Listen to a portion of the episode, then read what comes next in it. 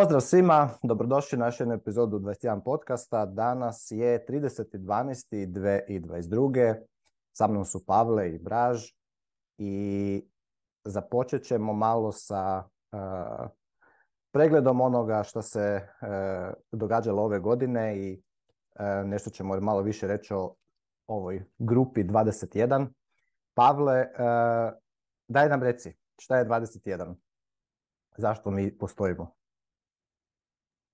21 je grupa koja je krenula, ja sad ne znam tačno ni datum, ali u nekom periodu prošle godine, više izrezancije na Twitteru kao odgovor moj princu Filipu da sam ja jedini bitcoiner u Srbiji kao i on. E, I onda su jednostavno u tom Twitter threadu gdje smo pričali, više se ono zezali kako mi uopšte nemamo bitcoinere u, u regionu, onda je počelo tu da se javlja sve više i više bitcoinera, uključujući Braža, koja je ovde sada sa nama i dosta ljudi. I onda nismo znali šta radimo, kao ajde da napravimo tu neku Telegram grupu pa da vidimo, pa ste se onda nekako i ti i Nikica priključili, bilo nas je 5, 6, 7, 10 i grupe sve više i više rasla, pa smo onda došli na ideju da ste nekako taj podcast koji ste ti Nikice već davno zapravo i krenuli, to ćeš možda ti malo da nam daš kako je to krenulo, kako ste ti Nikice zapravo te prve neke Bitcoin razgovore snimili pre, ja mislim, godinu, dve. I onda smo eto počeli da snimamo te naše bukvalno Bitcoin razgovore čisto neformalno, kao i sada na Zoomu. Sve više i više ljudi to nekako, iz nekog razloga im je to zanimljivo i vole da nas slušaju. Pa se eto grupa proširila godinu dana kasnije od eto tih 3-4 ljudi, sada nas ima u grupi, ja mislim, 200 na Telegramu, na Discordu možda isto 60-ak, 70-ak, eto na YouTube-u ima oko 300 ljudi koji su ono, o bitcoineri na Balkanu koji nas slušaju i eto, mislim, sve to je krenulo više iz neke neformalne zezancije, još uvijek je ta grupa stvarno neformalna nikakva organizacija ne stoji između nas, nema nikakvog profita, jednostavno ljudi koji veruju, vole Bitcoin i žele da pomognu drugim ljudima da uče o Bitcoinu, grade karijeru i tako dalje. Znači ima baš dosta nas sa različitim ciljevima. I eto, mislim, godinu dana kasnije ko bi rekao Pavao da ono od onog našeg pijenog podcasta na Rabu sad ćemo imati, ne znam, hiljadu pregleda na nekim epizodama, na nekim dve i da ćemo imati toliko ljudi koji su zapravo zainteresovani da, da uopšte uče o Bitcoinu. Eto, imamo čak i website smo sada napravili skoro. Dosta članaka je prevedeno, mislim, eto i taj Bitcoin Hub, znači posle samo godinu dana mi već imamo neki fizički prostor u Beogradu, nadam se uskoro i možda i u drugim e, delovima regiona gde će ljudi moći da dođu uče o Bitcoinu, rade od mislim, iz, iz Bitcoin kancelarije, vezuju se i eto, mislim, 21 je nešto što je krenulo sasvim opušteno i, i dalje opušteno i povezuje sve bitcoinere u regionu. Sad ne znam da sam ja to lepo e, rekao, ali ajde vidim vas kako je to iz vašeg ugla izgledalo. Ja mislim da si lepo objasnio. Pa ne, samo sam htio da, mislim da se dobro objasnio i ja sad kad probam da se setim ono tačno na početku. Znam da je prvi ono live podcast bio tamo u Ravu, ja mislim da to je možda bio kao uh, skupljenje energije koje nam trebalo, nekako inspiracija, ne znam, nija. I znam da neki eh, više poznati likovi kao Gigi su bili tamo isto i mislim to nas burnulo, ali ne znam, kao pa, eh, Pavle što je objasnio, mislim da počelo to sve na Twitteru. Um, i onda smo skontali da ima više nego jedno od nas ovdje i šta se radi sa više od jednom osobom, ono može grupa da se napravi, zajednica, društvo i, tako to smo gurali. Um, ali slobodno, ovo ispričaj malo više o, o, što ste ti Nikica ono, krenuli.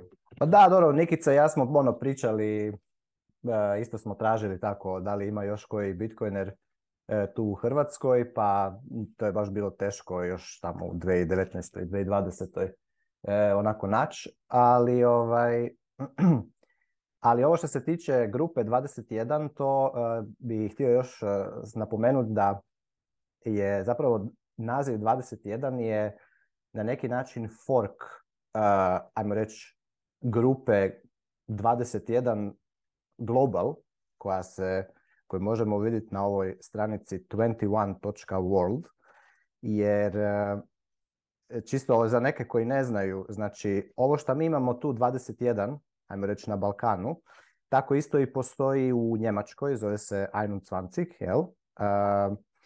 isto oni organiziraju, imaju podcaste, imaju meetape, imaju zajednicu i ono, dosta, to je jako, jako rašireno i praktički e, korisno je recimo što kad god netko kod član ove grupe recimo putuje negdje u na primjer idete u Njemačku sad iz bilo kog razloga, e, onda je pametno prije toga se e, povezati sa ovom ekipom Ajnu Cvancik, jer to su sve ljudi koji su bitcoineri koji šalju signali. Oni će vam sigurno ovaj, pomoći da se bilo šta, ako vam bilo šta treba, kad stignete tamo e, će vam pomoći. Ne, ne samo u Njemačkoj, nego imamo i u Italiji, jel, Ventuno, ima, e, Austrija ima svoju jel tu mi na Balkanu, čak i Turska ima, Irmi Bir.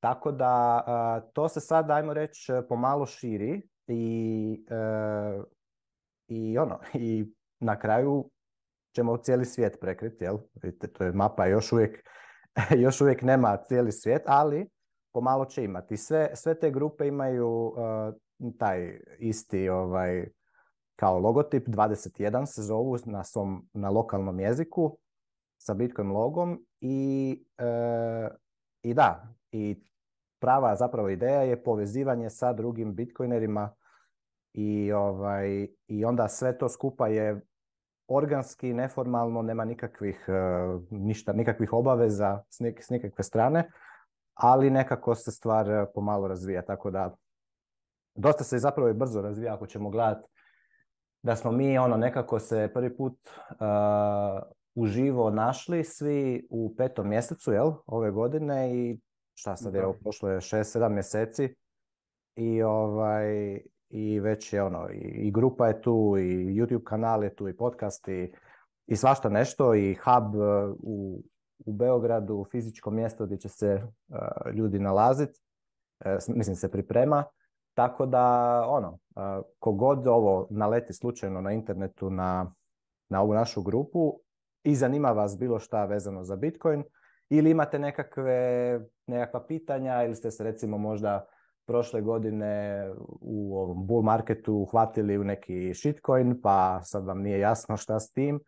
Eh, ovo je mjesto za doć da se, da se ono da se stvari razjasne. Tako da evo to je, to je što se tiče po meni šta je ono 21. I definitivno ćemo nastaviti svaki tjedan barem jedan podcasti, a vjerojatno i više. Jer... E da, i još isto, kogod se želi uključiti u ove naše razgovore, znači slobodno, slobodno se javite uh, na ovome di god i uvijek imamo ovako petkom u deset ujutro snimanje jedno, Vjerojatno ćemo još e, imati e, nekoliko termina redovitih, tjednih, mjesečnih, kakvi god, tako da ono, uhvatite se.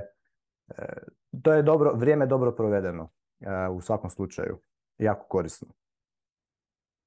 Da, mislim da je baš to ta zajednica koja se formirala stvarno bitna i da ja mislim da je sve krenulo da ide tim nekako boljim putem, baš to kada smo se mi svi fizički sreli ovaj, posle tih nekih par podcast epizoda i zato je zapravo i ta ideja da imamo taj neki fizički prostor i fizički hub, jer Bitcoin jeste digital, mi smo svi ovako vezani digitalnim razgovorima i online, i, ali mnogo drugačije kad smo to ovako lice mu lice ovaj, drugačiji ceo taj vibe i jednostavno se stvari brže dešavaju, tako da ja bih samo teo još jednu stvar, ovaj, to mislim da smo već rekli par puta, ali svako od vas u svom gradu, u svom selu, u Varošici, gde god može da napravi 21 Bitcoin zajednicu, znači mi nemamo sada Hrvatsku, Srpsku, kakvu god.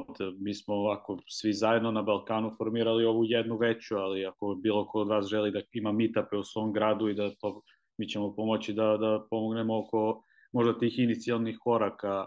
Na primjer, mi smo u Beogradu stvarno ove godine, to, to sam zaboravio da kažem, ali zahvaljujući Bražu mi smo stvarno imali regularne mitape na svake dve nedelje što je bilo sjajno i čak zadnjih par braži ja mislim da nismo nešto mnogo ni reklamirali i opet je bilo ljudi čak i u jednom najgorem nekom bear marketu, čak i u nekim terminima kad se igralo i svetsko prvenstvo, ono dođe 12 ljudi, mi smo jedan mali sto, ono rezervisali samo za nas dvojicu, trojicu, ono dođe 15 ljudi oko stola i onda kao uf, čekaj, nismo očekivali baš veliko ljudi, tako da i ta grupa se ovaj, sve više i više širila, u početku je možda bilo na meetupima stranaca koji su tu prolazili kroz Beograd kao čisto neformalno videli na meetupu, pa ajde nešto da imaju da rade, ali se vremenom sve to više menjalo do sada imamo i neke developere koji su tu u industriji koji dolaze, tako da je ovaj, ne znam, ja sam baš srećan kako je ovaj cela ova priča ispala i nadam se da ćemo eto naredne godine još jače i još bolje.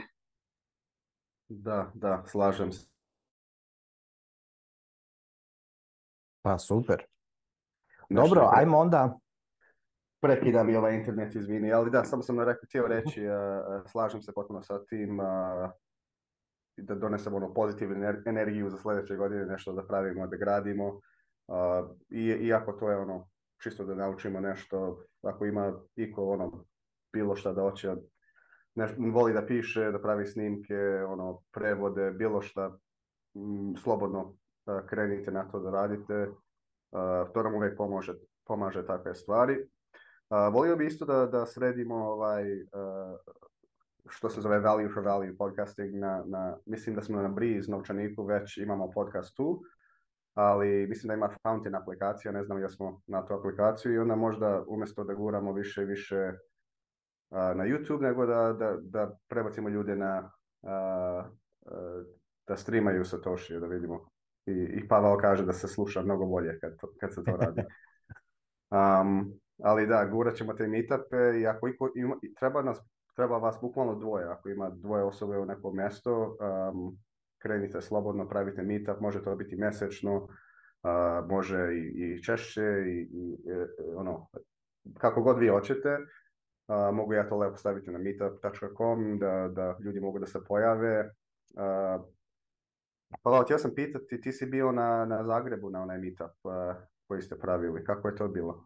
Da, apsolutno, mislim to je bilo neformalno, ja sam slučajno se našao u Zagrebu, evo sad kad si me podsjetio i trebao bi biti u Zagrebu uh, eh, 7. i 8. prvog, tako to je 8. prvi je nedelja, tako da ćemo, ću opet ono pozvati ako je neko u Zagrebu eh, iz grupe da, se, da se nađemo, to ćemo još u grupi specificirati gdje i kad, ali e, da, znači po meni najglavnija stvar kod fizičkih e, meetupova je da se jednostavno ono, e, neko inicira, mislim to nije nešto sad što treba po meni puno Pogotovo ne ovi mali mitapovi meetupovi koji se, koji se događaju, ono, mogu se događati praktički ono, svaki tjedan, nego ovaj, kad se kad idete negdje ono, u neki grad tu na, na, na prostoru Balkana, a u grupi ste 21, ono, javite se da ste tu i da se hoćete naći i sigurno će se naći neko ko, ono,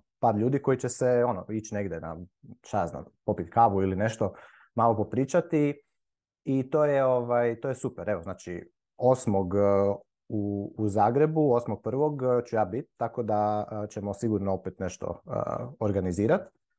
I, I da, i samo dalje. A onda ćemo vjerojatno sljedeće godine, tamo negdje na proljeće, ćemo ponovno organizirati nešto malo veće. i, I da, i, i to tako ide.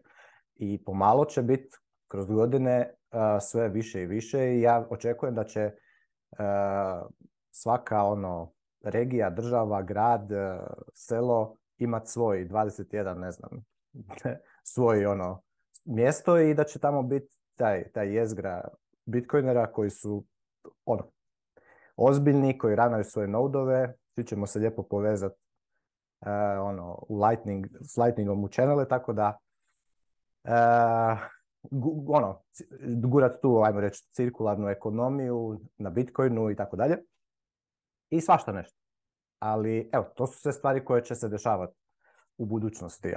mislim, realno smo na neki način dosta još e, novi u tome svemu. Kažem, sedam mjeseci nije to puno, ali opet bili smo dosta konzistentni. Svaki tjedan smo barem jedan ovaj, razgovor snimili i tako ćemo nastaviti dalje i, i odlično. I uvijek smo otvoreni na sugestije, ideje, šta god vas zanima, to nas možete usmjeriti E, da pokrijemo neku temu ili neko pitanje ili šta god, tako da, eto, to je to, je to što se tiče grupe.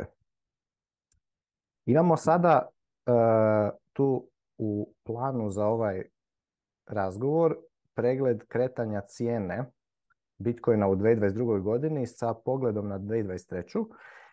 E, ja ću samo tu jako kratko, tu sam otvorio ovaj chart jedan koji ga volim gledat, to je chart uh, eh, 200 tjedne 200 tjednog prosjeka cijene, to je ova ovdje linija. Eh, znači, to je četiri godine. Četiri godine su i ciklusi halvinga Bitcoina. I ovo je od početka godine, jel? Uh, znači, ono, vidimo da smo, da smo u padu, znači cijena je bila oko 40, 40 47 tisuća dolara i sad smo negdje na, na ovaj pol 16, 17, koliko već. E, ono što je, što e, treba, mislim to je bear market kao i, kao i uvijek, znači bili su periodi kada je Bitcoin e, ono, pumpao, naravno i bili su periodi kada je Bitcoin pa, padao. Međutim, uvijek kad, kad zoomiramo van, onda vidimo da svaki, ovaj, da, da je ono, trend je up and to the right, znači Bitcoin je u procesu monetizacije, znači ovo je logaritamska, uh, logaritamski chart, znači nije linarne, nego 10, 100 tisuću, 10 tisuća, 100 tisuća, tako da i, i ova ovdje cijena, ovaj, ovo što se polagano diže, to je prosjek cijene. I sad, e, što se tiče e, 200, znači što se tiče pogleda na 2023. godinu, znači mi ono, možemo vidjeti da u principu kad god, je, kad god je Bitcoin otišao dosta iznad svojega 200 tjednog prosjeka, jel, je imao trend da se vrati nekako natrag, jel? isto tako ovdje, ovo je bilo 2017. E, znači, negdje na vrhu tog bull marketa cijena bila oko 20.000 dolara, a 200 tjedni prosjek je bio oko 1200 dolara. A, sada je e, 200 tjedni prosjek oko 24.000 dolara. E, znači to je ono, računaj, skoro šta, 10 puta veći 200 tjedni prosjek usporedbi sa 2017. A cijena je opet tu negde, 16, 17, 18, 20.000 dolara. Znači, e, ovo je period koji, koji je jako, ono, blagoslovljen je onaj ko, ko, ko sada ulazi u Bitcoin. jer kao što možete vidjeti, rijetko kada cijena baš ide ispod 200, 200 godišnjeg, 200 tjednoga prosjeka i kad ode i malo ispod ili dotakne se odmah e, počne vraćati nazad i u prosjeku cijena Bitcoina je iznad svojega 200 tjednoga prosjeka a ovaj ovdje period je prvi put u, u, u, od kad Bitcoin postoji da je cijena baš uh, nekakvih 40-50% ispod, eh, što je po mom mišljenju funkcija i mnogih stvari. Znači, recimo ova trenutno makroekonomska situacija je kumovala eh, ovako velikom sell-offu Bitcoina. Činjenica da je 2020. godine Eh, bio, ajmo reći, nekakav kao Black Swan eh, događaj gdje su eh, ono, države jednostavno totalno podivljale, poludile su po cijelom svijetu, su radile lockdowne, printale su masivne količine novca, ono 40% monetarne baze američkog dolara je isprintano u 2020. godini i ovaj, to je za svoju posljedicu imalo totalne ono poremećaje u, u dobavnim proizvodnim lancima, logističkim lancima i ovaj i isto tako ono eksploziju spekulativnog novca koji se taman poklopio sa, sa time što je bio Bitcoin, Bitcoin halving u 2020. godini, znači u 2020. u petom mjesecu smo uh, pali sa 12,5 bitcoina na, na, po bloku novo kreiranih na 6,25 i, ovaj, i, obič, i uvijek, mislim, nakon toga uslijedi e, povijesno je uslijedio ono bull market, a on se poklopio sa tim masovnim printanjem, tako da smo imali dosta velik, e, zapravo kad bi gledali od onoga pada u tog, e, kad je bila ta počela korona histerija, bio je pad Bitcoina na oko 5000 dolara, tu mu je bio i otprilike 200 tjedni prosjek, i, ovaj, I Bitcoin je sa tog pada od 5000 dolara u trećem mjesecu 2020. E, napumpao do, a pa skoro do svojih ono, 70 dolara, tako da to je ovaj, ono, nekakav 14, 14 puta je napumpao u šta, godinu, godinu i pol dana.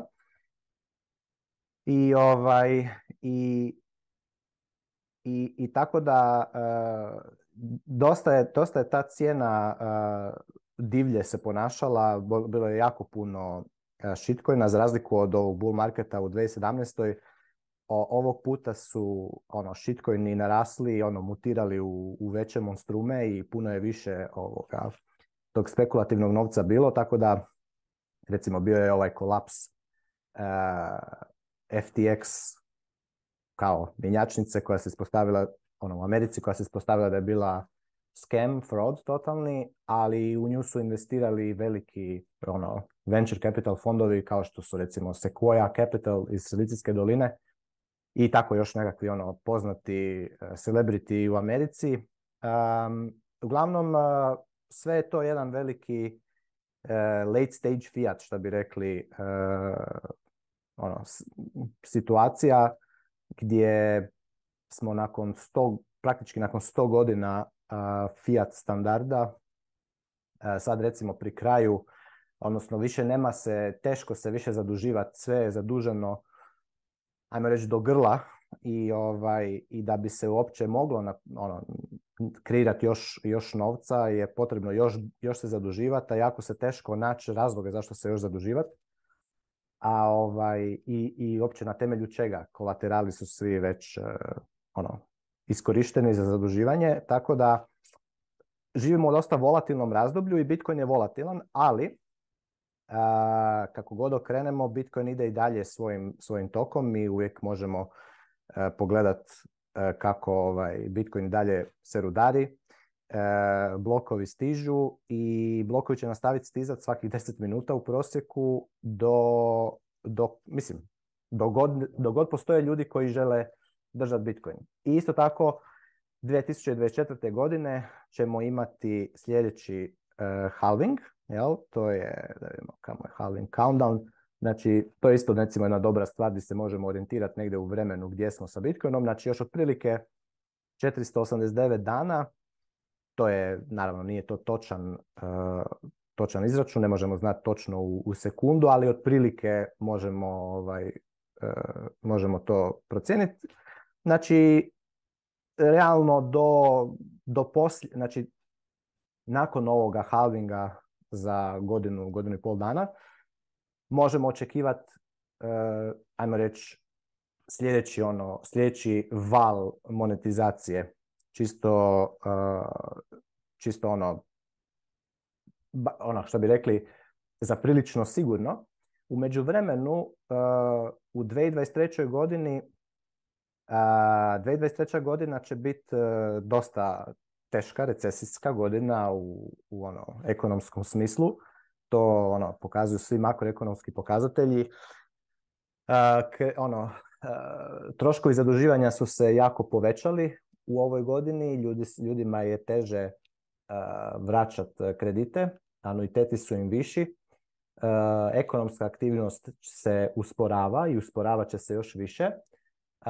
Fed, američki Fed, američka centralna banka i druge centralne banke isto, ali američka centralna banka primarno e, kaže da će držati visoke kamatne stope, otprilike ono 5%, ta njihova temeljna bazna kamatna stopa Feda do kraja 2023. godine. Ako nešto ne pukne u međuvremenu, to ćemo vidjeti šta će se dešavati. E, tako da fundamentalno gledano, ono, to je e, pod navodnicima negativno za sva, sve, sve risk asete, sve svu imovinu koju investitori ulažu sa nekakvim dugoročnim e, pogledom, zato što je ono, ili barem percipirana kao rizičnija. Tako da E, ćemo šta će se događati sa Bitcoinom. Moje mišljenje je da Bitcoin ima, e, da je jača, ajmo reći, Bitcoinova fundamentalna dinamika e, buy, ono, buy sell dinamika koja je po meni prvenstveno drajvana sa, sa Bitcoin miningom i Bitcoin halvingom, znači dinamici halvinga a da nema toliko veze sa, sa, ovaj, sa time, mislim ona može početi korelirati sa, sa tržištima svjetskima makro, na makro e, sceni, ali isto tako može, i, može biti dekorelirana jer na primjer um, ono, nisu dionice u, u, ili obveznice u, u 2017. godini imali strahoviti bull market i da se, i da se to koreliralo sa, sa Bitcoinom. Znači, Bitcoin ima svoju dinamiku, po meni puno vjerojatnije i bolje to tako gledati nego da je strašno koreliran sa, sa makroasetima, i, ali na kraju cijele balade to je ono ultimativni zen je opet, opet ću to ponoviti, da odemo na full Bitcoin standard, znači da kompletno više ne držimo fiat, znači nego da sav novac koji ga zarađujemo konvertiramo u Bitcoin i onda Bitcoin trošimo svakodnevno u, u, u, svojim, u svojem životu. Za to je potrebno, znači ja znam da je to sada opet e, možda te, kontroverzno i tako dalje, a za to je potrebno e, nekoliko stvari e, posložiti. To sam već spominjao, priču o tome i nadam se da ćemo o tome fokusirano baš pričati u sljedećoj godini e, u više tema. Znači, treba naučiti e, budžetiranje nulte razine, treba se kompletno razdužiti i treba uspostaviti 10 do 20% svoga budžeta u giving kategoriju. Jel? Ako napravite te tri stvari, možete ići na full Bitcoin standard i onda vas više ne interesira toliko šta će Bitcoin napraviti recimo 2023. godine. Jer vi znate u svakom trenutku da ako Bitcoin padne, vi rebalansirate budžet i prilagodite se tome tako što ćete optimizirati svoje troškove i pokušati povećati prihode. Ako Bitcoin napumpa, onda ćete opet, opet istu stvar napraviti. Rebalansirati budžet, prilagoditi svoje troškove i prilagoditi svoje prihode. I to su, to su stvari koje, koje, po mom mišljenju, iz mog iskustva, sad će već biti dve i pol godine, su, je najbolji, najbolji mogući pristup e, sa Bitcoinom. Jer se naučite na volatilnost cijene i, i ta volatilnost vam prestane biti problem. Čak što više volatilnost postane nešto što, što zapravo možete koristiti u svoju, u svoju korist. I u prošlom podcastu sam nešto govorio o tome da u budućnosti isto tako ja ne očekujem da će, se, da će Bitcoin biti stabilan u smislu kupovne moći, nego da će uvijek bit uvijek će biti volatilan. Možda će mjera volatilnosti biti manja, ali će i dalje biti volatilan. Tako da što prije, što prije odete na full Bitcoin standard, to bolje za vas, jer ćete prije početi vući cijeli benefit tog, E, toga što je Bitcoinova volatilnost. Recimo u 2023. godini mi možemo imati sada i recimo da u, u prvom, odnosno u drugom mjesecu kada bude Fed FOMC meeting, ako recimo pauziraju, ako kaže evo podignut ćemo 0,25% i pauzirat ćemo dizanje kamatnih stopa, to bi mogao biti katalist za, ajmo reći, jedan, možda jedan, dva kvartala bull market kao, ili ajmo reći bear, bear ono, market bounce, a u, u risk assetima Bitcoin bi mogao napumpat e, u tom periodu i ovaj a onda opet recimo krajem godine bi mogao biti ono bast veliki e, u, u risk assetima, veliki krah svih svega. Ko zna šta, šta, će biti trigger?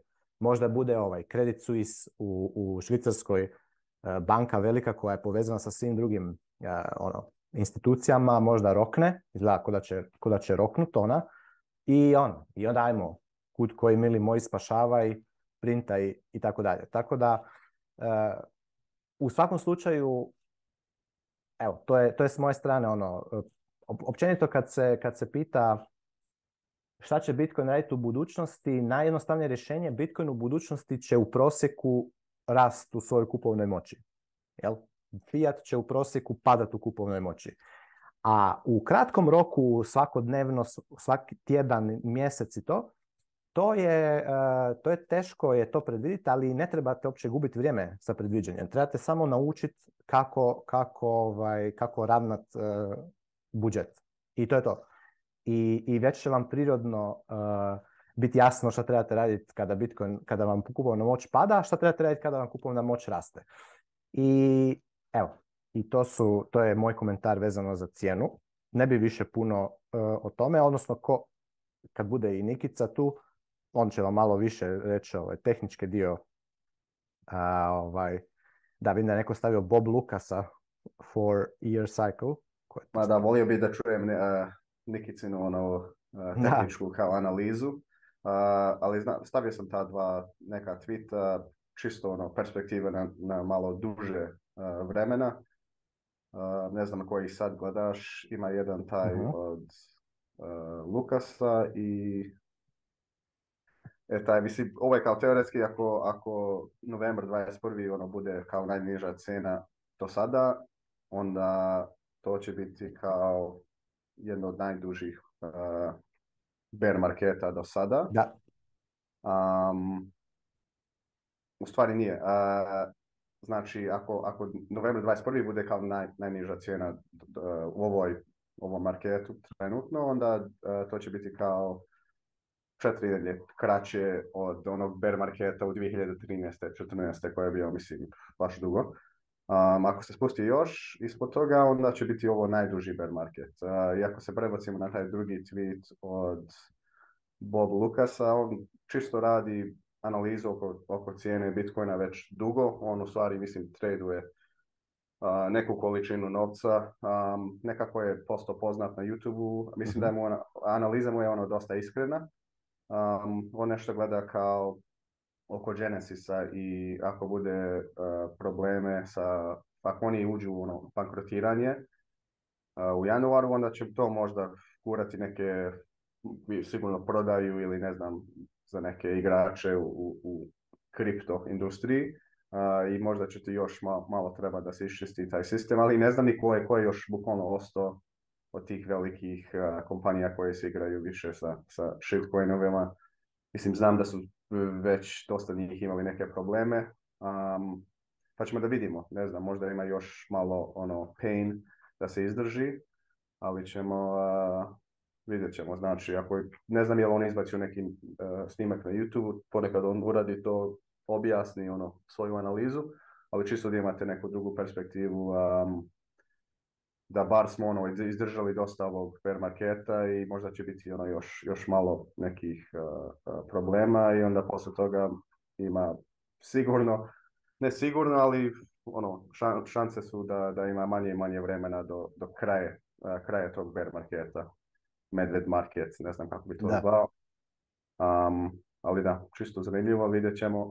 Uh, uvijek i znam da ne znam kako se ljudi osjećaju, mislim baš, ja sam već, ne znam, jednom, dva puta prošao kroz ovaj ciklus. Um, I uvijek dođe vrijeme ono, kad, mislim u ovoj situaciji kad je cijena ono, spuštena ili kad si kupio na veću cenu, ponekad ljudi mogu, e, imaju osjećaj kao da Eh, ili neće uspjeti, ili nešto se vrati da je bilo, ili ovo ili ono, to je vrijeme da se kupuje, zato tako i puno ljudi misle isto. Znači, vreme je kad, kad je da se kupuje, kad su svi ono, eh, kad ih strah ono napao. Um, i kad nađeš sebe da misliš tako, to su najbolje šanse da, da, da ti u stvari kupuješ Bitcoin. Ja znam u prošlost, bukvalno kad sam se ja osjećao tako, to su bile najbolje, najbolje šanse. Ono, mislim u toku korone, ja mislim da sam, nisam imao puno, puno gotovine, ali i sjećam se da sam imao taj osjećaj čega cijena ono spustila se baš, baš nisko, ne znam koliko je bila, 4000 mislim. ali mislim sad, sad je odlično vrijeme, mislim da se, da se skuplja, slušajte uh, i napravite odluku i samo dalje, i samo dalje, da. Meni je ovo recimo, ovo je, ja sam recimo bear market 2018. E, i 2019. Ja sam ono, tek sam zapravo, e, ajmo reći, počeo ući u, počeo ulaziti u Bitcoin rabbit hole, uh, jer e, ono što sam imao iz svog iskustva, moj ulazak u Bitcoin prvi je bio 2014. godine u sedmom mjesecu, ali to je bilo ono test, čisto evo, čuo sam pa idem vidjeti ono, 20, 20 dolara, tako nešto.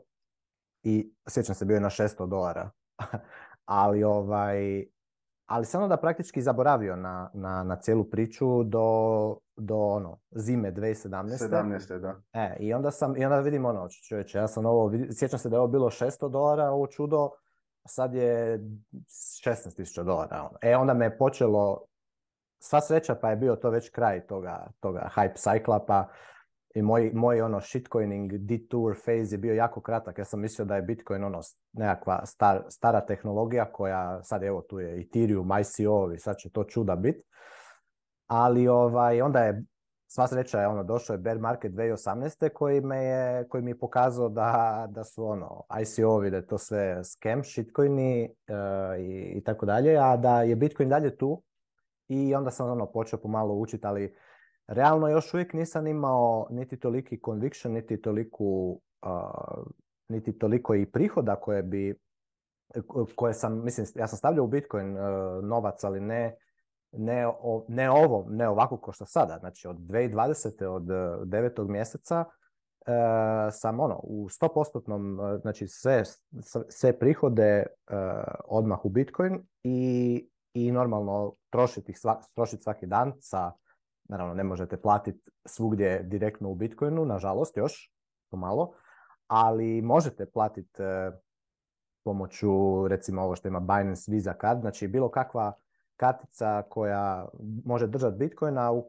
u trenutku kupnje konvertirati to u lokalni shitcoin fiat i ovaj e, tako da se to može a ovaj a šta se, tako da sam pro, vidio sam u 2021. recimo sam imao ono iskustvo šta, kako, kako, kako to izgleda kad si na full Bitcoin standardu, a Bitcoin pumpa strahovito.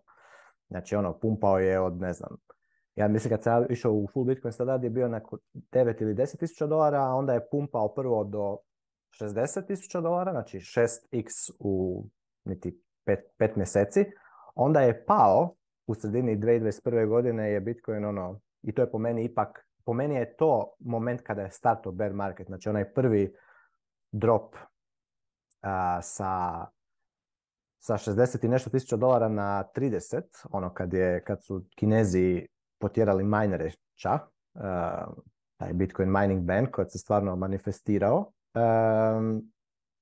I tad sam vidio šta znači kada si u padu, jel, kupovne moći, a držiš se u 100% u Bitcoinu i onda još jedan taj ono, pump do, do 60-70k do, do kraja godine i onda od kraja godine da ovamo je ono, drawdown ne, ne znam koliko, 70%, 75%. Međutim, uh, ja nikad ne, ono, eh, ja nisam nikad imao veću, eh, niti veće prihode, niti veće, niti veći savings, niti veći savings rate, niti, isto tako sam imao, ono, ne da mi ništa ne, ništa mi ne fali, zato što sam recimo u prošloj godine sam imao sve te malo veće nekakve investicije e, koje su mi, koje su mi trebale, koje su mi reducirale troškove e, sada u, u, u bear marketu i, ovaj, i realno e, to ono čemu stalno pričam i što sad i pišem taj nekakav, ko nekakav priručnik kako to napraviti, realno to što se te, ti skillovi, te vještine koje, koje možete dobiti kad ste na full Bitcoin standardu u bear marketu, su praktički neprocjenjive jer vi ono, em optimizirate svoje troškove i učite kako, kako, ovaj, kako eliminirati suvišno, kako e, dobiti, kako naći e, nešto što je kvalitetnije za istu cijenu, čak i za manju cijenu. Naučite kako, kako ovaj, planirati troškove u, u, u, vremenu. I isto tako ste motivirani za podignut prihode, jel? Znači, e, uhvatite se posla, bolje, kvalitetnije, otvorite, imate ono, nađete još nekoga e, klijenta, znači niko nije fiksiran u onome šta, šta radi i kakvu ima plaću ili kakve ima prihode, sve se to, čovjek se može mijenjati, čovjek nije ono programiran da bude isto, nismo mi, ono ne znam, e, ovca. Ono. ovca će uvijek e, past travu i to je to. A čovjek, ono, ako je ako si radio zadnjih pet godina istu stvar, možeš se promijeniti. Znači, i po meni bear market može biti odličan ono, katalizator za napraviti nekakvu pozitivnu promjenu i recimo podići svoje prihode. I bear market je vrhunska stvar za, za to napraviti i, onda normalno po mom, ja ono, uopće, uopće nemam nikakvog, nikakav problem da se ovaj bear market još, još dve godine da se produži, tri godine, nije bitno. Jer ti dogod, dogod je, ajmo reći, takav trend, ti si u tom stanju gdje ono, optimiziraš troškove, dižeš prihode i to ti je to. I ti, to, to ti se prirodno, prirodno se tako alajnaš sa tim, sa tim što se događa. A ovaj, naravno, to ti onda, to znači da, da stekaš satošije ko, ko lud. Znači, ono, imaš najveći, najveći nominalni broj e, satošija ikad kojega, kojega vidiš. I ovaj, i to je to. A, tako da po meni nije ovo nekakva sad e, ono, jedva čekam sada da dođe bull market, e, ne, nego ono, svaki mjesec, svaki mjesec ovoga stanja je mjesec gdje, gdje ti na neki način ono, e, rasteš i jačaš se, i imaš veći resilience, imaš veći earning capacity, imaš ono, bolje optimiziranije troškovi i tako dalje. Tako da, ono, E, ja pozdravljam bear market i, i mislim da je to e, super stvar. Zato i preporučam ljudima da ne drže nekakav fiat da se, da se zaštite od, od e, volatilnosti Bitcoina, zato što mislim da je volatilnost Bitcoina, ako ste, ako ste razduženi, ako nemate duga i ako ranate zero based budget i još ako imate i taj practice da, da, da, da dajete 10 do 20% svog novca, onda vam bear market, odnosno volatilnost Bitcoina može biti veliki benefit za, za sve. Tako da, i da ne govorimo o, o u, u, u, sam, u sam Bitcoin i u, ono, u nekakav sposobnost da, da, da, recimo to je isto nešto, znači mi Bitcoineri ono prolazimo kroz te velike bear markete, a i ono, i sad smo praktički ono, unfazed, nemaš više nekakve, ono, sve ti je to okej. Okay. Dok s druge strane, ljudi koji su ono u tim fiat instrumentima, njima je puno veći stres, e, ne znam, 20% pad u, u dionicama, u akcijama, e, je, je ono, panika.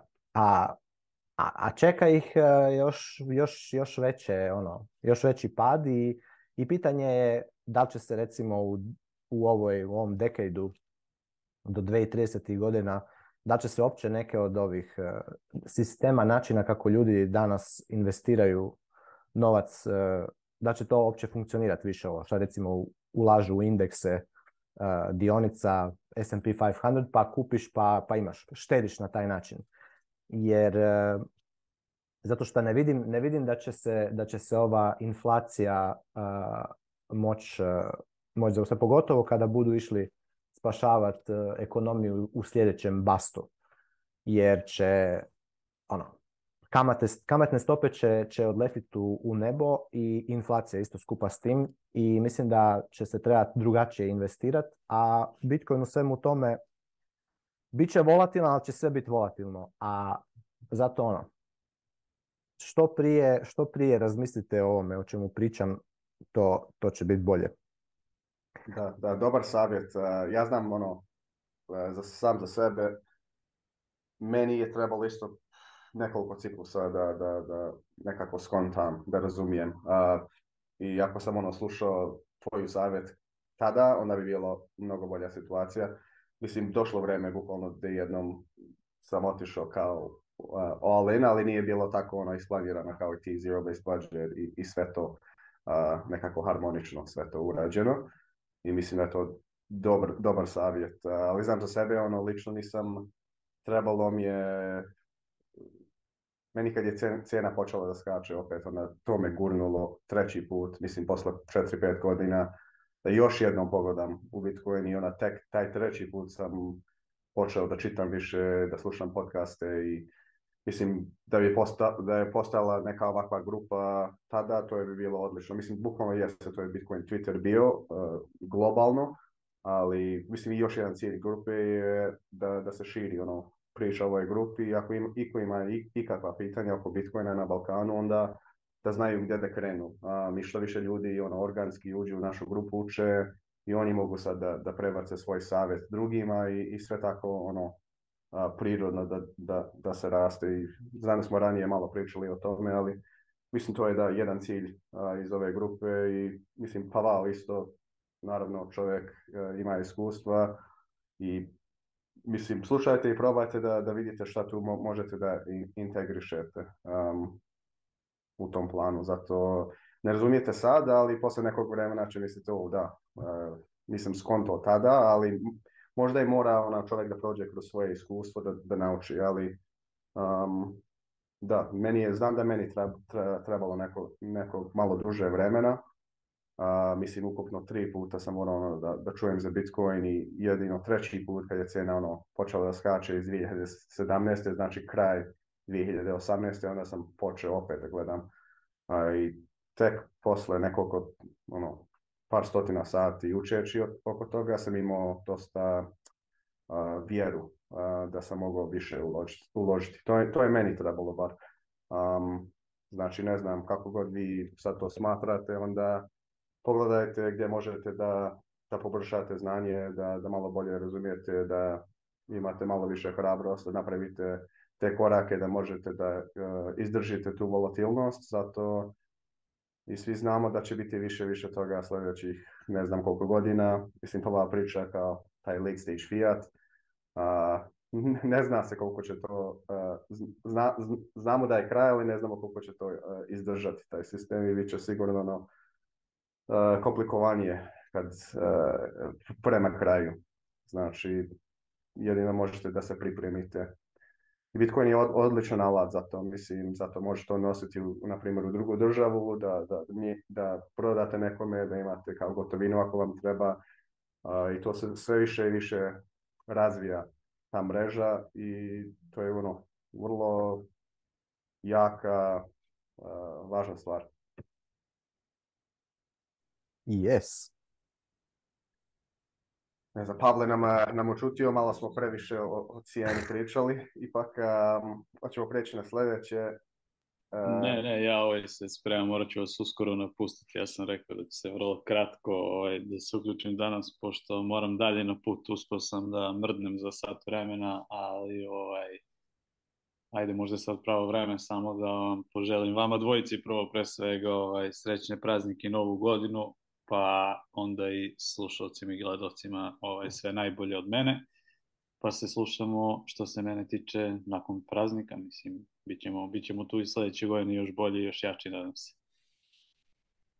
Da, A vi gurajte, mislim. Uživo ovaj, podcast uradimo u, u hubu kad, kad se to spremi, to će biti... Može, da, da, nadam se da će možda prvi biti već u, već u hubu, ajde vidit ćemo. Važi, važi. Ajde, Vidimo se, momci. Pozdrav. Dobro, možemo mi onda dalje. Ajmo, imamo, mhm. znači, jel, archive neki, ali vidim da majnere. je... prva stvar iz neka zimska oluja je udarila u Sjevernoj Americi, mislim, čitavu kontinent, ako, ako sam u pravu i ideja oko ovog članka što oni probaju tu da pričaju kao Bitcoin hash rate je pao oko 100 egza to je jedno piše 40% do 150 exahasha. ne znam trenutno koliko je, um, vidim da ti već guraš na mempool.space, znači koliko je sad otprilike? 234. Znači da, E, kaže da je palo do 156 egzahaša između decembar 21. i 24. i onda se vratilo do 250 egzahaša u nedelju. Uh, uh-huh. ta nedelja je bukvalno sljedeći dan, što je zanimljivo. Um, znači, ja mislim da dogovor ovi, ovi rutnici imaju, e, pogotovo u Teksasu, um, sad ne znam gdje još je bio efekt ovaj, ali ima dosta mašina tamo u Teksasu, Teksasu da su, gdje je energija jeftina, i ovi rudnici, te kompanije koje imaju te e, veće kao farme, oni su napravili dogovor sa, kako bi zvao, e, kompanija koja e, prodaje struju državljanima i oni sad su gase mašine kad dođe situacija da nema dosta struje da se grije ili da se hladi u ovoj situaciji da se grije i vidi se kako se brzo ta energija vratila nazad ljudima i naravno mreža plaća ovim, ovim Bitcoin kompanijama da, da gase te mašine. I mislim u ovoj situaciji svi prođu dobro, znači rudnici zarađuju, država može da prodaje ili te kompanije elektrane koje prodaju struju mogu lako prodati, e, imaju struju da prodaju tim ljudima, ipak ako se dosta koristi i nekako dodaje neku fleksibilnost e, u, mreži. E, I znam zadnjih godinu, dvije, oni više više imaju integraciju sa, tom mrežom u Teksasu koja specifično se zove, mislim, RSOT, ERCOT. nisam siguran zašto to tačno znači, ali znam da drugačije funkcioniše nego ostale električne mreže u, u, u Americi. oni su čini mi se da su oni, oni su naravno spojeni na ostale, e, na ostale te mreže, ali funkcionišu drugačije. Oni su nekako, e, ne znam koja je tačno reč za to, ali nekako independent um, rade nije, nije, isto kao i ostalo. I oni bukvalno koriste ovi rudnici, veliki broj rudnika u, u Teksasu, da gase kad im treba, kad ne proizvode dosta energije. Um, I znači, te rudnici nekako funkcionišu kao neki buffer, što je zanimljivo. Mislim, ja ovo gledam mogu na pozitivno i na negativno. negativno. Pozitivna stvar je, je kako ugrađenje Bitcoin rudnica, rudnika u ovoj situaciji u stvari pomaže fleksibilnost električne mreže i ona može da nekako preživi neke situacije gdje imala bi neke probleme. a negativna strana je država može da, ili ne država, ali entitet, sa može da kaže mi ne pravimo dosta energije i gasite te rudnike. I ako oni to rade, na duže vreme, onda ima šansa da ili ti rudnici neće, neće da, da rade kao biznis tamo, ili može to biti kao neka kao cenzura. Gasi, gasi ove rudnike i, i mi, mi, ćemo kao da platimo sa Fiatom, a ti gasi rudnike. Znači, meni je zanimljivo, može na, na dvije strane da se gleda, ali ja mislim da je ovo na kraju pozitivna stvar, vidi se integracija minera i električne mreže i kako to da pomože u, u, u specifičnu situaciju ovako gdje ima neka nevreme i, i, i nekako ima pritisak na električnu mrežu da, svi griju ili tako nešto i kako u ovoj situaciji može ovi rudniki, rudnici da, da gase mašine vrlo brzo i da se vrati ta energija kapacitet, da se, da se, vrati običnim ljudima i tako se gradi taj buffer. Ne znam, pa, pa što ti misliš, meni je to bilo... Da, e, ja bih samo htio razjasniti e, još jednom, ko sam o tome pričao više puta, ali znači bit, rudarenje Bitcoina e, funkcionira, odnosno je ekonomski isplativo samo za onu za cijenu one struje koju ne, koju, ajmo reći, ne može ili ne želi ili nije isplativo potrošiti u kućanstvima i u industriji. Šta to znači? Znači, ako ja recimo hoću upaliti Bitcoin miner u, evo ovdje u, ovom, u ovoj zgradi gdje ima, ne znam, 20-30 ureda, nekakva poslovna zgrada, gdje je cijena struje, ne znam koliko je sada kilovat sat struje, recimo da je 30 euro centi, ja mogu ukopčat ono, 3 kW Bitcoin miner u, u, tu struju, međutim, e, ja sam profitabilan jedino ako mi je struja, recimo, ne znam, 5 ili 6 centi po, po a ne 30. Znači, ja gubim novac ako, ako majnam, ako rudarim Bitcoin tu u ovoj zgradi. E, ali s druge strane, recimo na nekakvom u, u recimo na nekakvoj hidroelektrani ili u, ili u bilo kakvoj e, ili u termoelektrani ili u bilo kojoj elektrani koja, koja e, može, to, jest koja ne otpusti cijelu svoju, cijeli svoj output struje, ne povuče se cijeli output struje u kućanstva i u industriju, jedan dio struje ostane pod navodnicima neiskorišten i taj neiskorišten, neiskorištena cijena struje zapravo je E, trošak inače energetskoj kompaniji koja, koja proizvodi struju, a, ovaj, a Bitcoin miner joj plaća taj trošak nekakvu malu, mali iznos, jel? Mali iznos u odnosu na koliko je prosječna cijena struje u kućanstvima i u industriji, ali taj mali iznos je bolje nego da jednostavno, ono, ajmo reći, waste tu struju. Zato kada recimo se dogodi, kao što se dogodilo sada u Americi, da su kućanstva i industrija imali veću potražnju za, za strujom, e, zbog toga što je bilo ono, e, taj snowstorm, ono, sve je bilo zaleđeno, trebalo je ono, palit e, grijanje na, ono, na maksimum i tako dalje. E, naravno, oni outbidaju Bitcoin minere sa strujom. Znači, ne, ne treba sad tu razmišljati da su Bitcoin mineri eh, na neki način eh, niti da su oni filantropically oriented, niti da su, niti da, niti da nisu.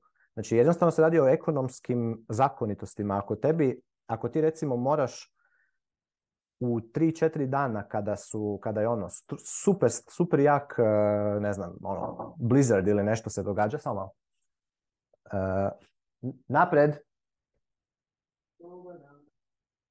Uh, sam Izgleda Pavao ima goste, nema problema. Um, evo me natrag, evo, evo, samo je do, Dobro si krenuo objasniti uh, eh, kao te ekonomske uh, posticaje. Eh, to je baš važno da se, da se razumije. Da, htio sam samo još da završim s time, jer eh, ono što ono šta nas opet ne, ne treba kao Bitcoinere puno, puno mučiti je ono pitanje koliki je hash rate i da li hash rate raste ili hash rate pada. Znači, Bitcoin ne osigurava razina hash rate-a. E, znači, ako ti imaš veći hash rate, ljudi kažu Bitcoin je sigurniji jer imaš veći hash rate. Ali, realno, ono što osigurava Bitcoin je razlika između cijene rudarenja, odnosno cijene kreiranja novih bitcoina i cijene settlementa, znači ono što rade rudari, koliko, koliko je trošak toga, naspram toga koliko je trošak onoga, e, full nodova koji verificiraju da oni rade ono što je u skladu sa konsenzusom e, Bitcoina. Znači, ta razlika, ta simetrija je ono što, je, ono što osigurava Bitcoin. Jer kad, ako bi razmislili sad ovako, može hash rate biti jako visok, ali ako je, ako jako isto tako visoko naraste cijena rananja full noda, znači ako tebi treba, ne znam, data centar da ranaš full node, ko što ovi kretenoidi tamo onom BSV-u šta već rade, Znači, tebi badave šta neko eh, ima nekakav visoki hash rate. Tebi je bit, kad, kad ti ne možeš verificirati da to što oni proizvode, da je to, bit, da je to actually, eh, ono, da nije recimo, da nisu radili double spending. Ti nemaš način kako da to verificiraš, nego i moraš vjerovati na riječ.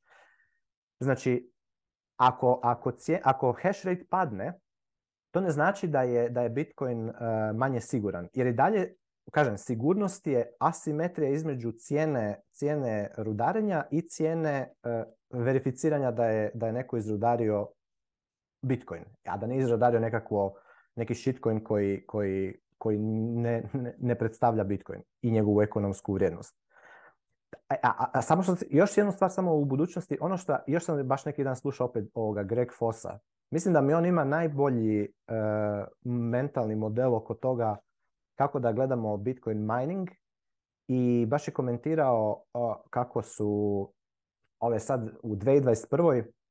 je došlo puno tih e, velikih minera kao public kompanije u, u Americi, jel? Ovi, kako se zove, onaj Riot, pa onda onaj Core pa su sad baš išli u bankrupt. Veće entitete, da.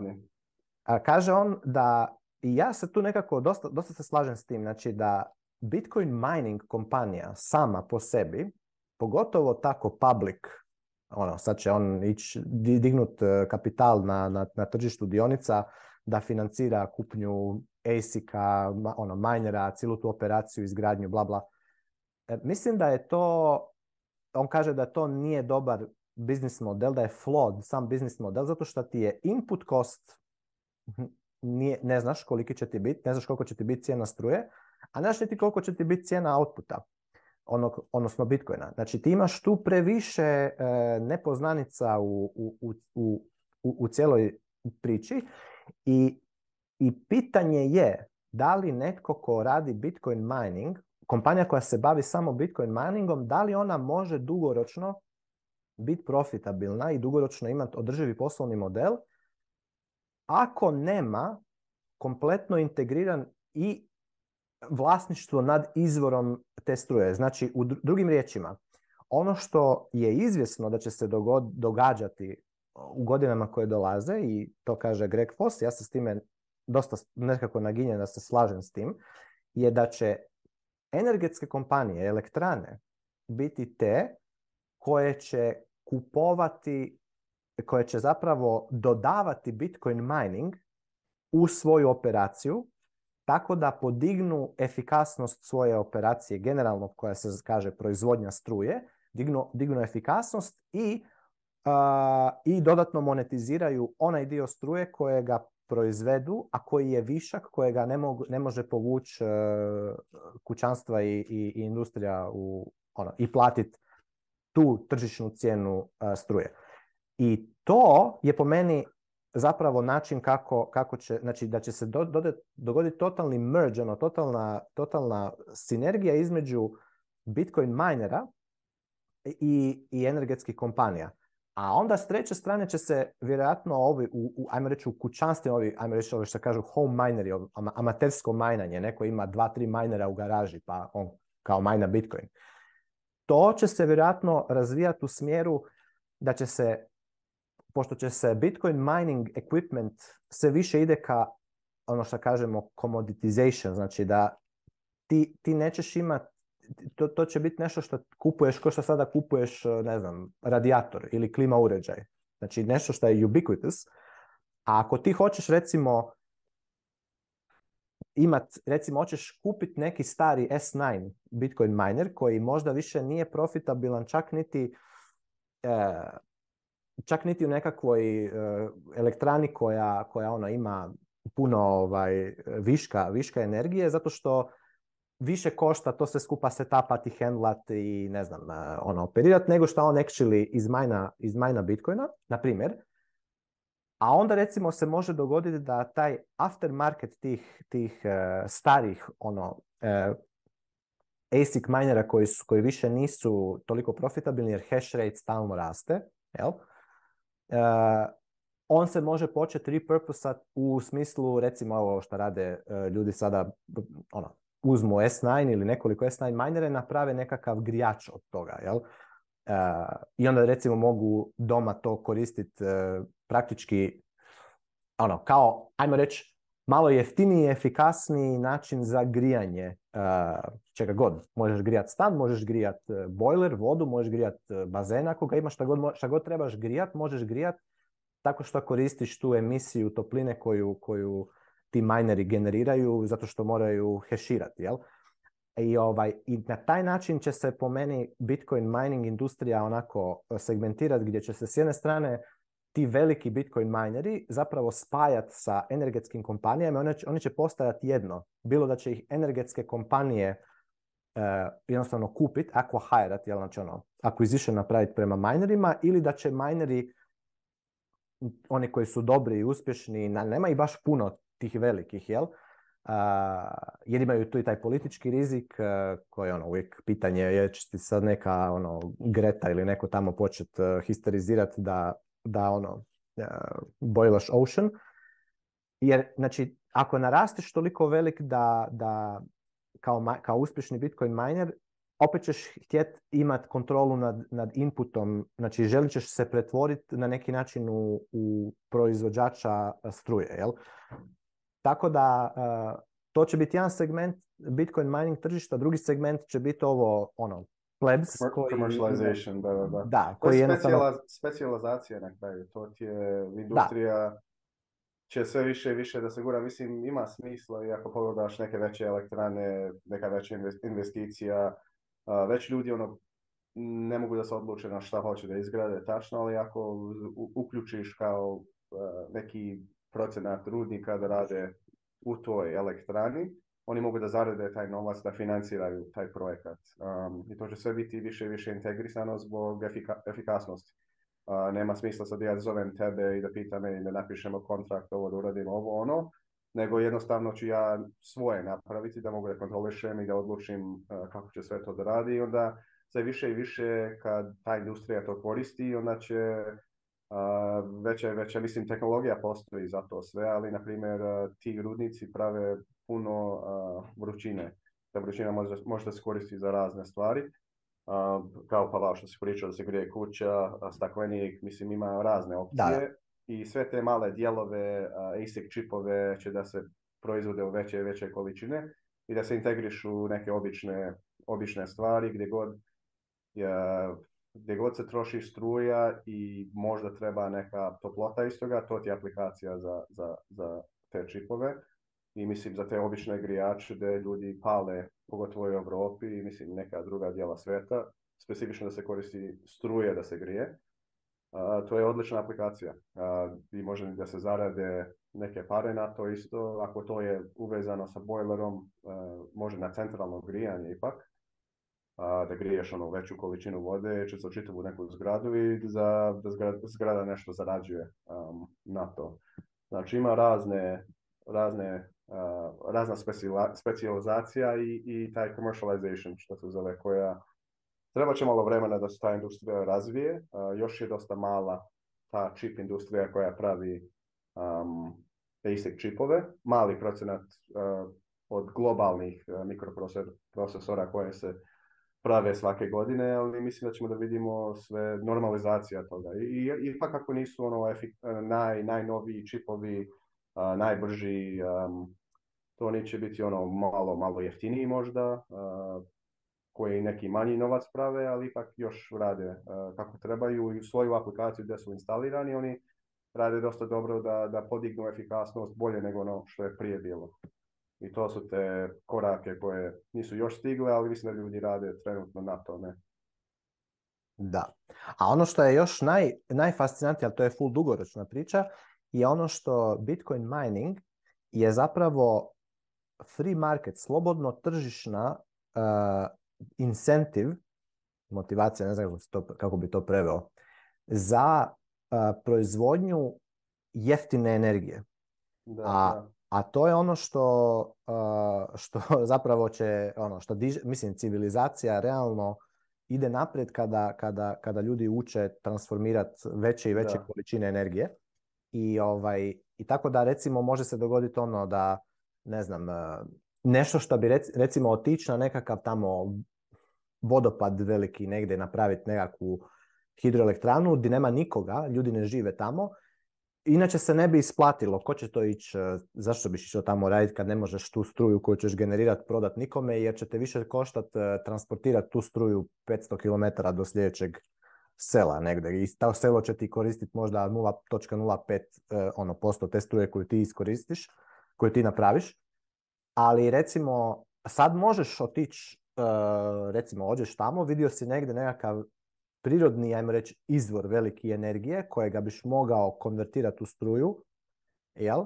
I ideš tamo sagraditi e, ono, elektranu i nakačiš na nju miner, jer ti ne treba ništa drugo, nego samo treba nekakav e, satelit da se spojiš e, ono, na internet, da možeš relayat e, da si našao, da si našao blok i tamo instalirati minere. I onda kad, kad gledaš da, da, da, će, da će to sve, sve više i više se događati, oko tih, oko tih elektrana se poč, će se početi dešavati ono, human settlements. Jel? I to je ono što je ono, budućnost nekakva duga civilizacijska, a incentivizirana Bitcoinom, tako da Bitcoin miningom. Tako da i sa te strane je Bitcoin mining jako fascinantan. Ali opet, ništa ne treba nikoga sekirat, ono, koliki je hash rate trenutno, da li raste ili pada, to je, ono, jesu li, ko je vlasnik minera, nije, to je apsolutno nebitno ko je vlasnik opet sam vidio neki dan, neki, neki bozovi su tamo pisali da je ne, neko sve ekonomske kalkulacije. Pa da, da, kao ne, aj, mineri su centralizirani. Koliko cares su mineri centralizirani? Su, to je to nebitno. Znači, ako mineri minaju bullshit, full nodovi će, ih, e, će im e, baciti to čaj, neće, neće kludati u, u, blok, u blockchain i prema tome e, ako, si, ako si bozo miner, uh, eh, Bozo si na svoju štetu, jel? I zato niko, zato, zato manjere nisu Bozo, jer neće raditi protiv svog, eh, protiv svog ekonomskog interesa i a dobro, to je ovaj... Ono, da, malo... sećam, eh, vidio sam taj tweet, mislim, jedan iz... Ma da. Ethereum fan je. Ma da, neka, neki, neki panj, ono, baš, mislim, ti, ti, da, ti ono, postoji sve više brain Pričamo, ono, o Ethereumu, o validatorima, da. Oni kao probaju istu logiku da koriste oko mining poolovima, ali nije, nije, ba, nije baš isto. Da, slow rug pull Mr. Mr. Shitirium. Izgleda uh, strategy, micro strategija, kompanija izjavili da su i kupili i prodali nekoliko bitcoina. Mislim kad se to sve sabere, oni su kupili 2000, 2000 i nešto. Um, ali da, od Odela ima jedan tweet i bukvalno kaže da su kupili 2395 još bitcoina, to je 42,8 miliona. Izgleda da su isto prodali 704 bitcoina za 11,8 miliona. I onda još jednom 24. decembra skupili još 810. znači oni su izgleda na full bitcoin standard, kupuju i prodaju za svoje troškove oni su, mislim da, meni ovo nije ni, čudo da i kupuju i prodaju. Mislim da možda prvi put su prodali u ovoj, da su izjavili da su prodali, tako mi se čini. ili ne bi bilo ovo neka velika vest. ali meni na kraju izgleda da su kupili više nego što su prodali, što je zanimljivo. Da. Znači još stekli. Ne znam, moje mišljenje je vjerojatno već e, papagaji tamo znaju. E, MicroStrategy je super odluka bila da konvertiraju svoje, svoj treasury u Bitcoin. To je bilo u 8. mjesecu 2020. E, super je bilo i da adoptaju Bitcoin, ono, Bitcoin strategy u smislu da, da konvertiraju svoj, uh, svoj cash, profite, dobiti u cash flow, free cash flow u Bitcoin. Ono što po meni nije dobro je da su išli dizat debt eh, hmm. za to, išao taj ovaj, corporate eh, bonds, junk bonds, kako već, eh, convert, znači općenito taj financial engineering mislim da mu je, nije, mu, nije im to, to je samo samo puno distractiona, onda opet moraš raditi ovo, onda opet moraš tamo, te sad ovi neki e, zašto si prodao, jesi panje, prodao si na 16-17 tisuća dolara, tamo si kupovao ovo, ono, znači sve su to, sve to puno, puno troška vremena, puno svega, a niš potrebno. Ali da, na kraju opet oni dobro, dobro stekaju, neka stekaju i, i, i super su, ali evo da, mislim... Da, mislim u Fiat sistemu ne, ne postoji jedna kompanija koja radi na ono E, A da, ne postoji, da, zato što, e, mislim, ja to razumijem, jer treba tebi vremena dok ti izađeš kompletno mentalno iz, iz toga da, fiat standarda, tebi to ono, prožimati cijeli ono dušu čovječe, ono, taj, taj dead, slavery, mindset i to ono, taj, ta neodoljiva potreba da, da, da, da radiš nekakav financial engineering oko, oko, oko stvari, ali a dobro, to će sve s vremenom će to doći na svoje, ovaj, ali definitivno bi im bilo puno, mislim, zamisli, zamisli recimo da su išli, zamisli da su išli, evo ovo što ja cijelo vrijeme trubim, ono, odi u, odi u full Bitcoin standard, ali nemoj ići u debt, budi debt free i ovaj, i, i ima giving 10-20%. Zamisli da je, zamisli da je Michael da je, da je Michael Saylor stvarno ono, ono da je tražio način kako da, kako da nije, pa nije jednostavno giving raditi toliko. I, to jest giving ti može biti investicija, znači u smislu da ti investiraš u, u nečiji equity, ono u smislu da uopće ne, ne razmišljaš, da ne mora ti to ne nikad... Ne očekuješ ništa nazad, da samo... Da, ne, ne, ne očekuješ ništa nazad, ono, ako propadne, propadne, nema veze, to ti, ti si to već dao kao, kao filantropski. A zamisli da je to on radio i onda da je još u bull marketu 2021. da je, da je imao i da je veći selling imao u smislu da je, ne znam, a, šta već htio napraviti sa microstrategy da je ono više uložio u šta već, da je više zaposlenika, možda, šta ja znam, ono, poučao od ovih, od ovih jazavaca drugih e, google Šmugla i ovih e, Facebooka i tih drugih kompanija nekakve dobre inženjerske talente, u MicroStrategy pa to platio više, sad bi mu, e, a sad bi imao puno bolju poziciju, sad bi stekao ko lud, kuriš, imao bi manje troškove, imao, mislim, ono, isto koji, koji svaki ono, individualac koji to napravi. A, a s druge strane bi imao puno veći ono joy in his heart da je, da je stvarno um, da je stvarno imao puno veći puno veći giving. Jer onako su akvarali dobro, oni su sve ukupno kupili 130.000 bitcoina ili koliko već, jel tako?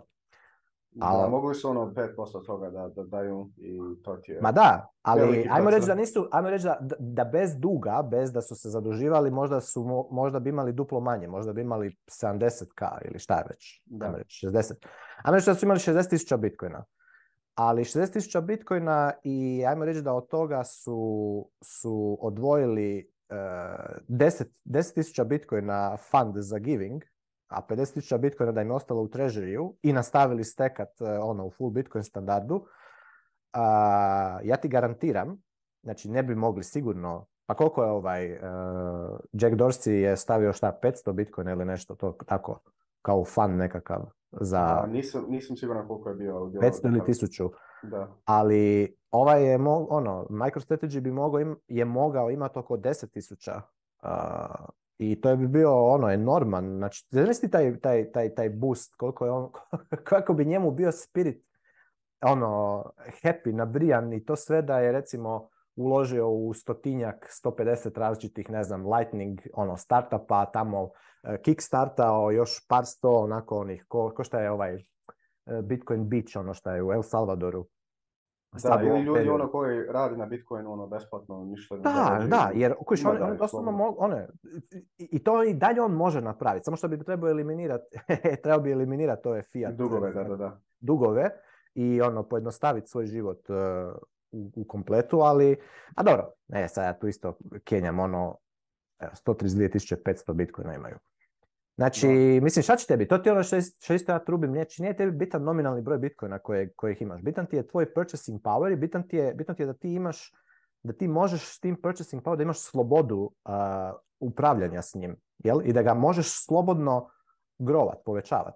Ja ti garantiram da je on da on ima taj sad spirit. A pazi, on je sad malo onako beaten up, bio je kod ovoga Daniela Princa u, u, u podcastu, pa je ono malo, kuš, nema on sad taj više takav ono zest kojega ima u, u, u bull marketu. Nisam ga slušao ono... Uh... Je, mislim dobar je i dalje, ali nije ono, naš, naš, fali mu taj, fali mu taj ono, taj mega conviction, znači e, i taj, taj super entuzijastični, znači on je ono full karizmatični lik, on može dignut puno njih. Zamislite šta bi on mogao napraviti, kakav bi on imao, odnosno kako bi njegov orange peeling capacity bio da je da je ono, da je no debt i da ima taj tako veliki giving. Znači on bi došao čovječe ovome Tim Cooku bi već, Tim Cook bi bio Orange Pilan i Apple bi bio Orange Pilati garantiran. I to do kraja. Tim Cook je već ono... E, Neki procenat već. on je kao da interesting, ali je, ono, 100% bi već sve ovo, ovo šta, ovo trubi ovome, da Twitter treba staviti onaj orange, orange check e, i to su sve jako pametne stvari, ali, ali on nema sada još taj, taj, taj conviction i to jest nema dovoljan taj energy da bi to mogao napraviti, a, i to, a to nema zato što je zato što, zato što taj retardirani financial engineering izvode. Kužiš? Ništa od njega nemaju na spiritual, na spiritual ništa, čak i nije ništa brže. On, znači on nije nastekao ništa brže te bitcoine nego što bi ih nastekao da, da je išao, ajmo reći, polaganim ono, debt free routom. Jer evo ti sad ima priliku, šta da, se, e, šta da, šta da Bitcoin bear market da neka, neka ostane do 2025. godine? Šta te kako zima 2025. godine bude ono recovery iz bear marketa? Mislim, nije ništa nemoguće. Da. I a on mora svaki, svaki mjesec moraju ono servisirati taj, taj dug. Te dugove, da, da. da. I sad svaki taj, svaki taj anuitet koji ti odeš ti je ono, ti gledaš, a čovječe, ja se zadužio ono, kada je Bitcoin bio triput, triput skuplji i ono, plaćam triput skuplji Bitcoin sa svaki anuitet. Znači, to te ono, počnete ono, brain, ono, te grize, ono. Grize te, kujiš. I to što te grize, to ti sepa tu energiju da imaš bolji, bolje ono, decision, decision making u, u biznisu i u svemu drugome. Zato, zato je bitno se razdužiti. Zato je bitan debt free. E, evo, ja ću to trubit, ne znam koliko god treba, ono, neka pa ako ko misli da to nije tako, neka slobodno argumentira, vrlo rado ćemo ono, raspravljati o tome, ali... To e, da, da daješ pare umjesto, to ti je bukvalno naopačke e, Tako je. te emocije. To ti je umjesto situacije da te grize i ti sad moraš da sad pa da. paziš pare, zato si neku odluku napravio. Ovo je potpuno na druge strane. Ti si sad odlučio da ti imaš ti dosta novca i Tako ti bi volio sad da, da daš i da pomogneš ljudima. Tako I je. to ti nema veze ako se to izgubiti, to daš svoje volje i daš te pare i uopšte ti ono boli, boli te dupe što, što, oni odluče da rade sa tim. Um, I još ono možeš živjeti, nemaš probleme. nešto sam čuo i zanimljivo iz, mislim da je u, u, u, e, ja ne znam je ovo jevrejska ideja, ali mislim iz, iz Biblije neka ideja slična mm ovakva. Um, da neko je pričao o ovome, mislim da je specifično napisano u, u jevrejsku kao Bibliju, Tora. I kao Bog kaže, ako hoćeš da me testiraš, mislim, nikad u nikakvu običnu situaciju ne, bi, ne bi htio da testiraš Boga. On kaže, u ovoj situaciju smiješ. Možeš Ili možeš. Ono, koliko možeš ti dati. I da. vidjet ćeš da što više daješ, što više se vrati i tebi. Apsolutno, ono. i to je fascinantno, da. I čak... to je neka logika, ne znam je to myth, to je meni puno jako zanimljivo da to da mislim o tome te perspektive i puno se ono, slaže se s tim čim ti prišaš i mislim da je u stvari čovjek u pravu. Apsolutno. A spazi ovo braž, sad ti je, još ti je jedan, još ultimativni, ultimativna spoznaja je ovo vezano za, taj, za, za davanje i za giving. Ovo što si ti rekao je točno, to je ono biblijska mudrost da, ajmo reći, možeš ono kao Bog testira, izvor kaže možeš testirat, evo ako daješ da ćeš dobit više nego što si dao, slobodno testiraj, ono, čak i ako ti to ono totalno sebični, ono, ako ti želiš više, evo daj pa ćeš vidjeti da ćeš dobiti više. Ali još jedan svoj ultimativni je zapravo da, da spoznaš da ti koji daješ, ti si taj koji dobiva najviše u, sve, u cijeloj priči. Ti dobivaš više od onoga koji je primio. A ovaj, i zbog toga bi trebao biti zahvalan na prilici da si dao. Znači tome kome si dao, recimo se, Michael Saylor, na primjer, sad on je stvarno ono, ono ali dobro, on ima, on već ima taj filantropik eh, moment u, u sebi, napravi onaj Saylor org i to sve. Samo što ga nema, nema ga u onoj, nema ga u onoj biblijskoj, što bi rekli, eh, dimenziji koja bi trebala biti 10 do 20%, pazi, 10 do 20% njegovog njegove likvidne imovine bi konstantno trebalo biti u, budžetu namijenjenom za davanje. A to je, ja ne znam sad koliki je njegov, koliki je njegov net worth, ali ja mislim veći je, sigurno bi tu trebalo biti puno više nego što, nego što ima. Zato ga i dolazimo one, više ako mu stalno ovi, ovi, glupi trolovi, i oni botovi, stalno onaj Michael Saylor giveaway. da, da, da. Zato oni Kojiš, on, toga, on to pokušava, a ne možeš to, koji to na neki način, ko ono, kao da te neka ono, bode te, možda ti signalizira šta biš zapravo trebao napraviti. Ali hoću ti reći, znači, znači ti trebaš biti zahvalan onome kome si imao priliku dat i kultivirati taj gratitude za to da ti imaš priliku dobiti taj spirit of generosity, jer to je ono što tebi, što tebe zapravo eh, diže, tebi, te, tebi to otvara vrata, tebi to ono, činite uspješnim u, u, u poslu, ono, u svemu, sve ti je bolje, ono, imaš, sve, sve, sve, ti ide, sve ti ide samo u, plusu kad, kad imaš generosity i baš zato što nekad ti je, kažu, Zamisli da je cijeli svijet, sa, ono, kao zašto Bog stvara svijet takav da imaš e, siromašne ljude i bogate ljude, jel? Zašto, zašto imaš siromaštvo u svijetu? Jel? Znači, zato da, zato da onaj ko ima više da može odabrati svojim slobodnim odabirom da pomogne nekome ko ima manje i da onda bude zahvalan na tome što je mogao to svojim odabirom. I sad zamisli da je sve, da svi imaju isto i da svi su sve, sve uvijek sve perfektno. Šta biš ti mogao uh, improve, ono, šta biš mogao improve, šta biš mogao riješiti? Čovjek ima, čovjek je takav da on kada riješi neki problem i kada pomogne nekom drugom i kada ispravi neki wrong, ono, i kada donese malo svjetla u mrak, on tada je on sretan. Znači, kada ti, ne, ne, ne si ti, e, ono, mi moramo biti u ovom svijetu, svijet, to mora biti polarno, mora biti dualan. Znači, mi moramo imati, e, ono, suffering, patnju da bi osjetili sreću. Jel? I I to je tako, tako, tako to Ali to treba, mislim, hoću reći, to treba tako navigirati. E, bilo bi, ono, sad kad smo već na tom MicroStrategy, to bi bila super stvar da oni to tako reći, Jer zamisli onda da, zamisli koliko bi onda... Bogataši su to radili često prije 120 godine. Oni su izgradili biblioteke. Tako je, oni su gradili, ono... E, svakakve neke, ono, dali baš, baš velike sume novca digneš knjižnicu ili, ili, ili muzej nekakav ili, ili katedralu neku napraviš ili napraviš nešto ili, ili pomogneš tamo ono, ne znam, siromašnim, ne, ono, svašta možeš raditi. E, doniraš mecenas nekakvom umjetniku. Evo bio onaj Stephen Chow, onaj što je Art on the Bitcoin Standard je bio kod Seyfriedina, ovaj dečko šta, šta ono, radi i on, kužiš, on umjetnike, ono, uh, postaje mecena, ne, Bitcoin isto. Što je strašno interesantno, ti trebaš i to je nevjerojatno koliko to tebi dušu ispunjava. I tako ispunjene duše i tako sav generous ideš i, do your own business ono u svijetu i jednostavno imaš veći, veći uspjeh. I ja sam, kažem ti, uvjeren da bi to bilo dobro da... da Ma da, da, su svi to, rade, ono bilo bi potpuno... Da, zamisli. to moraš i sebe da mislim, da ti moraš dati, ti moraš ono sve izračunati sa svoje strane. znači, ti moraš sam, sam sebe čuvati prvo, prije nego što čuvaš ostale. Apsolutno, i zato, rade, zato nije... Onda bi da. bilo, ono, zato i nije savjet da daj sve. Ne, daj 10 do 20%. Nemoj, e, nemoj pokušavati sad biti... E, ne, ne, ne. Ti, ti daj 10-20% konzistentno i, ti ćeš, i, i, onda ćeš vidjeti da će ti tvoj, tvoja, ti ćeš rast i ti ćeš moć rast i onda će tvoji 10-20% kad rasteš će biti veće jel?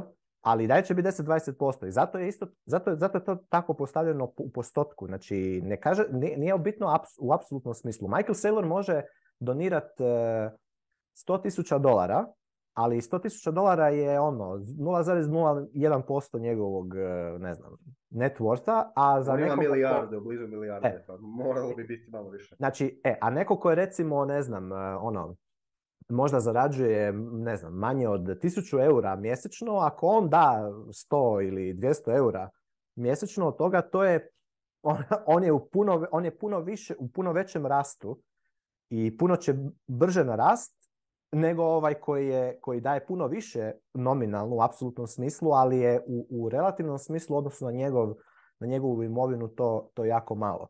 Zato, je, zato, zato se kaže 10 do 20%. Jel? I, i, i zato je taj giving je, je, je strahovito moćna stvar e, i zato ga ja preporučam da ga ljudi rade baš u kontekstu ono čisto što bi rekli ono financijskog savjeta jer to, je to je način kako ti zapravo povećavaš svoj prihod. Jedan od efekata tog davanja je da ćeš imati veće prihode. Jer će tvoj, tvoja duša, tvoj, tvoj spirit će biti već, više generous i više ćeš atraktat tih, tih prilika, tvoj način razmišljanja i, način odluka i pregovaranja kad recimo radiš nekakav posao će ti biti takav da ćeš jednostavno imati veće, ima, moći ćeš sklapat bolje, bolje poslove, moći ćeš veću vrijednost koju ćeš moći razmjenjivati sa drugim ljudima i s time ćeš imati veće prihode. I onda ako nastaviš dalje raditi taj, taj giving, ćeš imati veći giving, s čime ćeš još više imati, boostat ćeš taj, taj, taj, taj spirit i opet ćeš to je ono... E, Zanimljiv eksperiment. E, cycle, jel? Da, da, jeste. I svakoga možda može ne zvuči logično, ali ja mislim da si upravo. Ja mislim kad to u stvari neko počne da, da aplicira to u svom životu. Apsolutno, to kad kreneš implementirati tek vidiš, jer nije dovoljno, to, zvuči, ja se sjećam kad, prije nego što sam to, kad sam prvi put čuo za to, to je bilo 2018. u, ono, na početku godine, ja ono, počeo sam tamo gledati onaj Dave Ramsey kao budgeting, get out of debt, bla bla bla.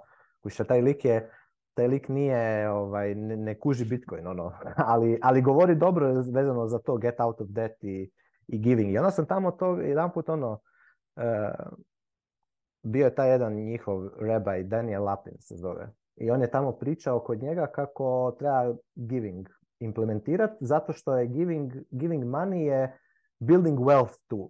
Ja ono gledam. Vidiš da je jevrejska ideja. Možda da, Oni, oni, su skupili toliko novca. Oni Apsolutno. I, sad, I sad ja mislim se, ma dobro, ima, ima logike, ima logika, ali kuš, ma, ma dobro, ima logike, ajde, mogu razvijeti, ali dok nisam ja to actually probao, sam i počeo pomalo ono, to, to prakticirat, e, mislim, ne možeš ti to, ne možeš ti to koncipirati, to moraš početi prakticirati i vježbati da ti se, da ti, jer ti tvoja, tvoja kao, ajmo reći, oni kažu, tvoja duša to tek kada ti E, akciju napraviš, znači kada povučeš zapravo potez, kada taj novac ode iz tvojeg, e, iz tvojeg novčanika ili iz računa ša, tek onda ti to, to osjetiš, taj efekt. I, to, i njega trebaš raditi kontinuirano i onda ti kao da, kao da zaljevaš, kao da kao kad zaljevaš cvijet i onda on pomalo počne rasti, počne rasti, rasti, rasti ti se samo ono prođe, ne znam, par mjeseci, godinu dana nisi se ni okrenuo, odjednom vidiš ono čovječe sve više i više sve više i više nekako to ide prema tebi, jel? E, kao e, prihod i, veći. I, i nastaviš to dalje raditi, sve ti se ti bolje i bolje i bolje, ono, ko avalanche, znači ono, baš, se, baš je neverovatna stvar i da, vrlo, vrlo zanimljivo stvar. I jako, jako zanimljivo. Kažem, zato ja to preporučam. E, preporučam. Ne mora ni biti novac, može biti svoje vrijeme, energija. Može biti svoje vrijeme. Na, na, nešto. Ali realno ti je i vrijeme, ti je i, ono, i novac. tako da ako recimo kažeš da. Znači, na primjer, isto nije dobro reći, ja ću sad samo volontirat, ja ću raditi negdje, jer ti recimo ako ćeš raditi, ne znam, 40 sati tjedno, ti ako ćeš da, ono, ako, dobro je odvojiti 10-20% novac, vrijeme, ti sad ti vidiš sam kako hoćeš, ali fora je u tome da, da, da to bude tako sistema, planski sistematično, ne ono kad ti se da ili kad ti se hoće, nego baš moraš lijepo ono, intentionally isplanirati. Ko da si, ko da CFO uh, ono, u firmi, tu, aha, to mi, je, to mi je dio novca koji mi je giving, to ili dio vremena koji mi je giving. Um, ali, ali je čak uh, novac je isto, bitno je, bitno je i njega imati giving. I počneš, počneš, počneš sa, ne, ne, ne počneš nužno sa nekako te give to nekakav čeret. Ti... da se osjećaš Boga da možeš dati i onda u stvari postaneš. Ako imaš u familiji, ako imaš što bliže svojoj, svojem krugu, familija, prijatelji, poznanici, ono, e, tu, tu daješ. Znači prvo vidiš koliko možeš, ako možeš negdje pomoć familijarno, onda ideš dalje. Ne sada da ćeš ti sad dati, ne, evo sad ćemo mi damo dati nekakav, u Bangladešu neka djeca su gladna. To kreneš od, kreneš od bližeg i koncentričnim krugovima ideš u šire i šire i šire. To su, sad je mogli bi jednu epizodu cijelu posvetiti tome, ali to je jako, jako dobra stvar. Ono, eh, ako koga zanima, možemo... možemo da, to će, mislim da će to, mislim što više pričamo o tome, mislim da će to biti jedno od mojih nekakvih ciljeva. Ipak ako nemam prihod, ono morat ću, eh, ima neke stvari u čemu ja verujem, na primjer ovu zajednicu i takve stvari, možda se vredi ono nešto dati da da možemo gurati dalje. Mislim, ipak ako mi radimo sve to besplatno za, za hub ili nešto tako, možemo naravno nešto uraditi. Um, zanimljivo. Znači imamo sljedeće, e, da se prebacimo na sljedeću vest. Čitam ovdje ima, uh, kao Rusija gleda da u, u zakonu upiše da, da kriptovalute mogu da se koriste uh, specifično za kako bi rekao, internacionalno trgo, trgovanje. A, izgleda da, da po članku piše da oni neće da se koristi kriptovalute za plaćanje u običnim ruskim prodavnicama i tako, nego jedino izgleda da ovaj zakon će da važi za uh, foreign trade transactions. Um, znači, mislim da Rusija gleda potencijalne druge opcije u financijskom sistemu da kupuju, mislim oni prodaju dosta e, prirodnih resursa, na primjer naftu, e, vođe i takve stvari. Um, I možda će ovo je jedna opcija za njih da, da mogu da prodaju drugim državama bez, bez problema zbog sankcija i takvih drugih stvari. Um, izgleda da unutar e, Rusije da ono, plaćanje obično u, u prodavnici, na primjer, nije, nije nešto koje ovaj zakon pokriva. A, znači, sigurno meni ovo logično izgleda kao neka druga opcija za, za, za veću instituciju kao, kao Rusija, država Rusije, da oni mogu da, da, da prodaju, da kupuju ono, te prirodne resurse bez, bez dozvole, bukvalno. Znači, nikoga ne moraju da pitaju da, da kupe ili prodaju Bitcoin, nego jednostavno mogu to da, da prodaju te resurse ili da, da ih kupuju. znači, nekako olakša taj čito proces. proces. Znam da se već ono, mjesecima se malo pri, priča o ovome. Ne znam, nisam čuo ništa oficio, ali vidjet ćemo, da. Kad vidim prvu, prvo trgovanje Bitcoin za naftu, neku veću količinu nafte, to će meni biti uh, ta glavna vest oko ovoga. ne znam je se to ipak možda negdje desilo, neki mali procenat, ali kad se energija poče da se veže uh, sa Bitcoinom, mislim da, dolar je, je jedan veliki razlog što američki dolar je postao toliko velik, je da prodaja i kupovina nafte je bila vezana uh, na duže vreme sa američkim dolarom i nisu, nisu puštali ono nekog drugog da, da. koriste svoje valute i u, u, u Africi, uh, Gaddafi je htio da uveze da uvodi novu, volutu koja je ono, bazirana na zlato za u Afriku i ono, njega su ubili dosta brzo. znači, ali izgleda sve više više da kontrola ta oko američkog dolara na, svjetskom na tržištu je nije isto koja što je bila. Na primjer, oni su uveli sankcije na, na Rusiju i mislim dobro, oni imaju inflaciju, ne znam, 10-11%, slično kao i u Americi, možda malo veće, ali koliko pritiska ima svjetskog pritiska, ti bi mislio da, da nekako lošije bi bilo. Um, ali nekako se drže. Uh, znam da prodaja nafte je bila neko vreme u, u, u, i pa vidjet ćemo, da, Bitcoin je uvijek opcija, um, ali znam da prije ono tri, četiri godine da se čuo da, da, da, da se nafta prodaje za, za one ruski, ruske valute, ono ne bi vjerovao da, da to može, ali brzo se stvari mijenjaju i vidjet ćemo, ono, čisto, čisto Bitcoin postoji kao opcija da se može bilo ko da je koristi. Ja mislim da će, ne znam, sigurno za godinu, dvije, neka veća. Gledam, kao što sam pričao, gledam za tu to trgovanje za, za naftu neku veću količinu za Bitcoin, to bi ono pokazalo da situacija napreduje. Da. Ovo, nisam ovo vidio, ovo je Sejfedina neki... Da, da, ovo je bio, bio je jedan e, seminar sa... Ovo, ovo iz Rusije, Lana. Da.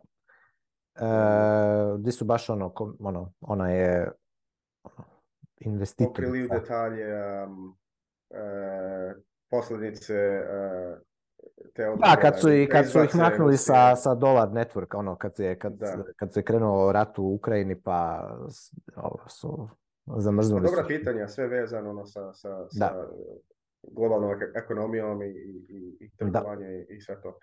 Znači, ako hoćete da malo više čujete od nekog ko zna malo više o tome, ima uvijek ta opcija. Znam da, da, insider, insider info je ono. Insider info, da. I taj Dino podcast je baš, baš dobar ako hoćete ono logično da čujete pitanja i mislim da dosta pametnih ljudi on, on zove na svoj podcast. Pametan je čovjek i mislim da on voli da imate pametne razgovore i uvijek do, doveze neke zanimljive, zanimljive ljude sa, sa, sa strane zemlje koji su bukvalno neke, nekakvi eksperti na, neki neku malu mali dio, na primjer u ovoj situaciji Rusija i, financijski efekat ovih sankcija i rata. Yes. Dobro. Uh, jesi vidio nešto, ima ovdje članak Forbes je pričao o Lightning mreži. Da. I nije bilo negativna stvar izgleda. Forbes, naš Fiat. E, Fiat e. Što, je, što je zanimljivo, neki je Roger, Roger Huang je na, napisao ovaj članak. Uh, tipično ovo Forbes, gledam kao shitcoin, e, znam da kvalitetno ovaj, kako bi rekao, journalism ne izlazi iz Forbesa. Um, znam, sjećam se prije 5-10 ono, godina da je bila potpuno drugačija stranica, ono, više kao obična, neki New York Times, ne znam, nije, ja sad izgleda više kao blog, ono, imaju više više ljudi koji pišu, znači signal se potpuno ono, smanjio, ali ipak čovjek priča o raznim lightning e, aplikacija, pokaže BTC e, map, to ti je mapa gdje može da se gleda koliko e, ima prodavnica i trgovca da, da koriste, da možda kupiš eh, stvari sa Lightningom koje primaju Bitcoin. Znači, to je zanimljivo. Um, kaže, ono, Lightning neće ti koštati puno, uh, što je, što je pravu većinu slučajeva. A, i ono, vidim, ja sam tu stavio. Odmah. Ja sam tu još, na ovaj druge, a, ti si stavio Hrvoju. Evo ga. Bravo. Evo, ko hoće doći, Lightning platit može tu. Čovječe, viš ti koliko ja njih još moram tu orange Pilot? Pazi ti koliko tu. Ima Pazi ti koliko da, to ima posla je. A pa šta ti je ovo? Ti je malo selo. Onda on će, on će objasniti e, drugima kad, kad sljedeći ovaj bull market počne. O, vidi ovo da ima neki. To nisam znao, to moram da pogledam. BTC map. I ovo je open source, otvoren source, znači vi možete ono slobodno da dodate, ako znate neku bankomat, prodavnicu, ipak ako je ono nešto manje, možete slobodno tu dodati. Bome, nisam znao. da, i na Ali, morat ću sjest u auto i krenut e, i obići. Jedno po jedno. Nema toga ni malo, vidi ovo. Vidi u Bosni. Ima li? A, ima ih nešto. Vediš? Evo, ima i tu.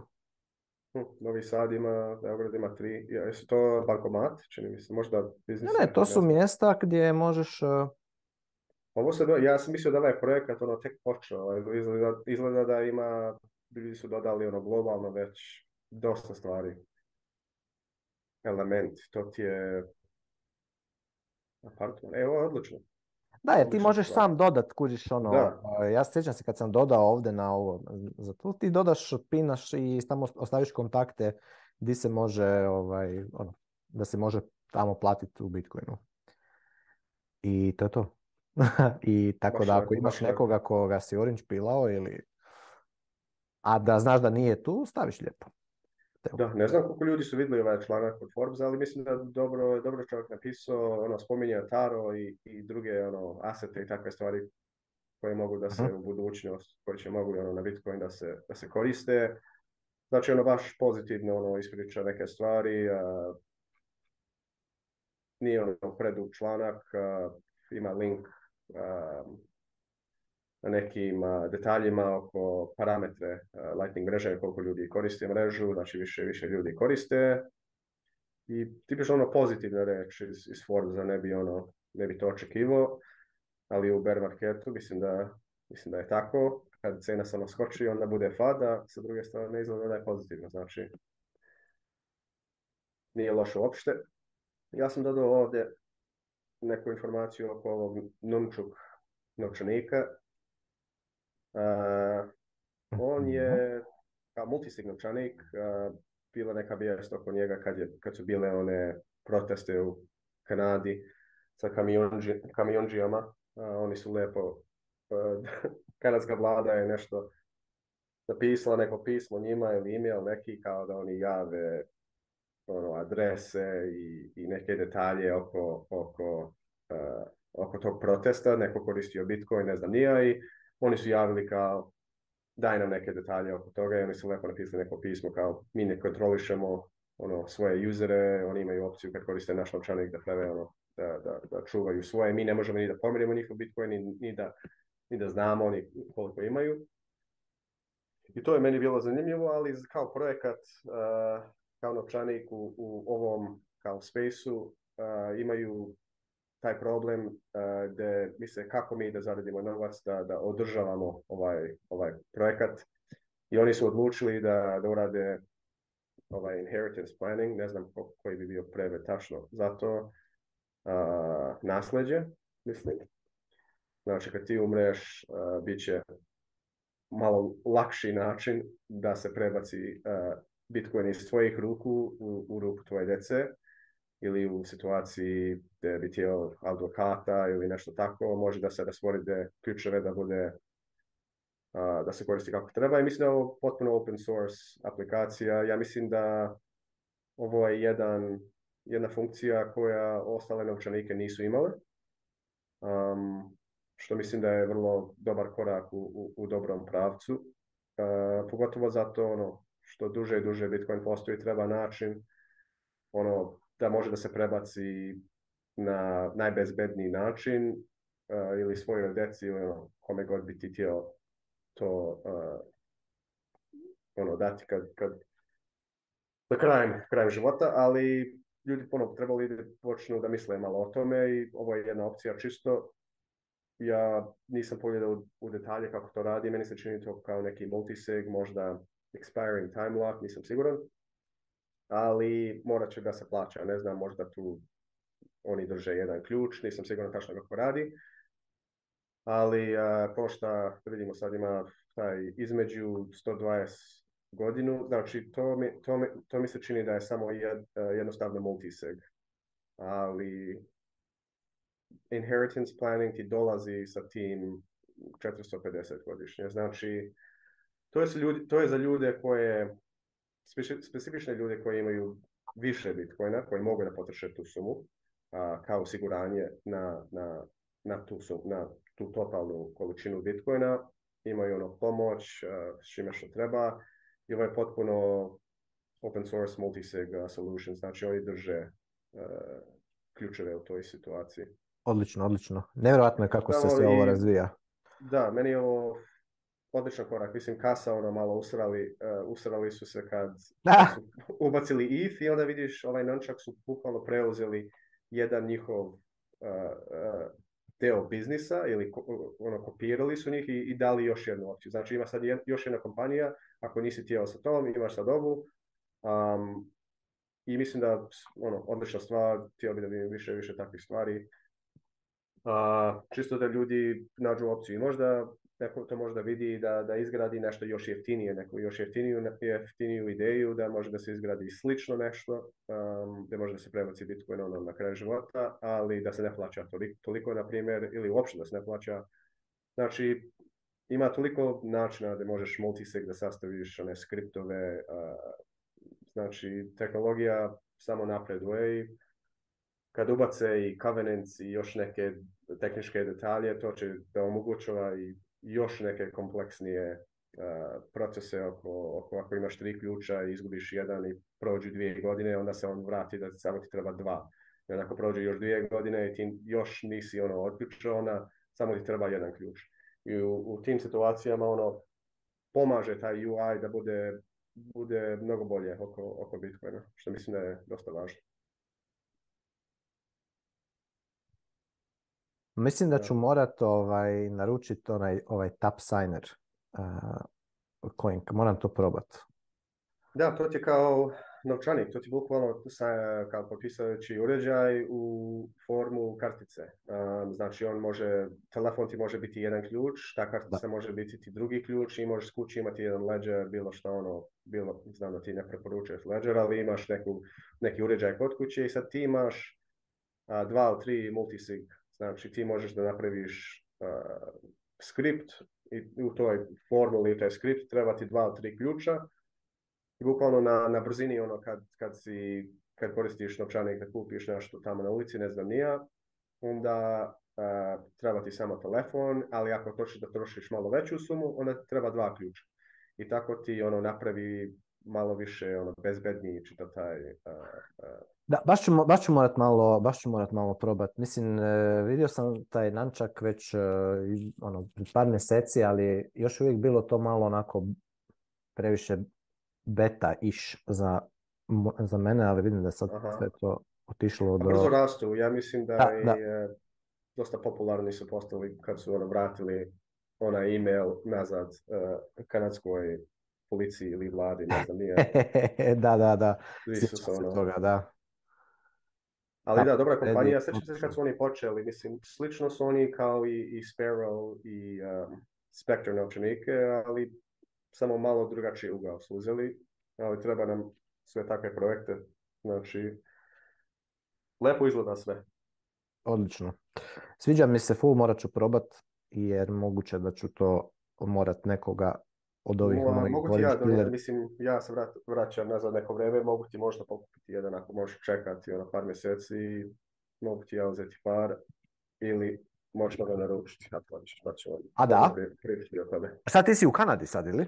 Pa bit ću neko vreme, bit, um, neko vrijeme da, znači ako neko iz grupe, znam da sam pričao sa, sa nekima, specifično za te američke kompanije koji, koje lakše nego da donese malo stigne i jeftinije da ako, ako donosimo ono veće može može evo posto je za ove kad budeš e, te ta, te, tep me zanimaju to pa mi je da. Ono, to za multisig napraviti mislim da je to ovaj ako stvarno mislim da je dosta sim jednostavno mi izgleda za pa da, samo je malo, malo tehnički e, da se uradi taj kako takozvani backup. Um, uh-huh. U multisig uređaju, ako ti imaš, na primjer, tri privatna ključa i ti sad, ajmo reći, ti si napisao seed svakog ključa, znači privatni ključ svakog tog uređaja i, i si taj multisig novčanik, uh, two of three, ajmo da kažemo, i sad ti izgubiš sve ta tri uređaja, ali imaš još taj privatni seed, ti ne bi mogao da napraviš to reconstruct taj, e, treba ti ta javna ključa, ne privatna ključa, treba ti i javna ključa. Znači, bez tih javnih ključeva ti ne možeš da napraviš tu, taj kontrakt za taj multisig specifično. Znači, ti treba ti još jedan dio informacije, ali u većinu situacija ljudi neće da, mislim, sad da izgubiš e, sva tri odjednom bi bilo ono katastrofa. ali samo ti treba da, treba da se doda još jedan E, dio te informacije i onda može da se sastavi kako treba. Znači, ima neke detalje, nijansa e, oko toga, ali ja mislim da će to sve ono, bukvalno u Nunchaku sigurno ima neka opcija, ono, pošalji mi PDF i on ti pošalje PDF s tom, s informacijom za sve te i ona sva tri ključa i ti to staviš negdje četvrto mjesto i to ti to, ono, imaš sve dijelove i, ipak ako izgubiš sva, tri ta ono, uređaja, ako imaš još te sidove, ako imaš dva sida samo, a tri javna ključa, onda bi mogao još da, no, da, da, se koristi kako treba. Znači ima malo nijanca oko toga, ali volio bi ono, u hubu malo da se igramo sa tim stvarima, zato ono, znam ja da sam dugo vremena htio da se da više to razumijem, da, da razumijem kako se radi onaj backup kako treba u toj situaciji, ima malo više detalje da se zna koji novčanik igra najbolje s ovim. to su sve važne pitanja, no ponekad ljudi ne mogu da nađu vremena sam, sami ono, u svoj život, znači krećemo u hubu i, i kad skupimo malo tih uređaja i takve stvari, onda možemo da se počnemo da se igramo sa tim. Imaćemo ćemo node tamo i takve stvari, znači sve to će biti ono, ako hoćete malo više da razumijete kako se to koristi, i ono malo više, ako hoćete da znate neke advanced e, stvari, onda to je odlična ono, e, opcija. Znači, Dobro. stvari ćemo tamo i gledati da radimo. Imam još ovdje dvije neke vijesti oko ne znam da bi trebalo baš na kraje godine, mislim, ne znam koliko je bitno, ali Twitter, ono, izgubili su, ne znam, iscurilo, ne znam, 40, 400 miliona usera informacija, znači broj telefona i takve stvari. Mislim, samo da kažem na kraju, pazite se ono, na, na, na, na internetu uh, sad ono, neki ljudi, na primjer, koji su na Twitteru, Bitcoin Twitteru, specifično ne koriste svoje ime. Zamisli sad ti živiš u neku državu gdje ono, moraš, kad kupiš mobilni telefon ili broj telefona, moraš ono da koristiš svoje e, ime i da daš, e, kao, da pokažeš ko si. I s tom informacijom ponekad možda se veže broj telefona sa imenom i sad isuri telefon, broj telefona iz Twittera i neko ko ima neku dodatnu informaciju možda sastavi da ti, ti si ovaj lik. I možda to svima nije ono, ako nisi ne, ne, toliko poznat, možda nije bitno, ali nekima to može biti neka rizika. Mislim, svi znamo ko je Max Kaiser, ali može da se desi neka situacija da je neki možda nije poznat toliki da, da, da se nađe u problemima, zato neka informacija se ono surla na, na, na internetu. Znači, pazite se oko toga. Čini mi se za njih medlju dana je bila, bila i na LastPass. Uh, izgubile su kao encrypted, encrypted uh, kao, kao enkriptovane uh, baze podatka koje mogu da se uključaju, um, ako pogode te hakere uh, tvoju tačnu šifru. I puno ljudi koji ne koriste ono dobru šifru, ako oni tu pronađu tu glavnu šifru, master, master šifru, onda mogu lako da, da sve ostale njihove šifre da znaju. Um, znači, ono, preporučio bi ako znam jedan u grupi je koristio baš LastPass, um, i ja sam koristio davno, sad ne sjećam se ni koja šifra, ni šta na njemu sam koristio, znači možda i meni to ima neki efekat ipak ako ne koristim to, iako nisam možda promijenio neke, neke šifre, iako možda ta glavna šifra nije bila dosta jaka, neko to možda pogodi i onda sad to može da pravi neke probleme meni, ali vidjet ćemo. veliki broj i sve više i više ono, u digitalnom svijetu ćemo da vidimo kako treba svoje podatke e, da se paze. Mislim, da, i ne znam, ja loše kao posljedice ovoga nismo još vidjeli, treba će malo vremena da, e, da se vidi. Mislim, što više i više informacije izađe na, na, na internetu, to ljudi samo sastavlja, sastavljaju u, u, u ogromne baze podataka i onda to se proda na, na crnom marketu za neke, neki novaci.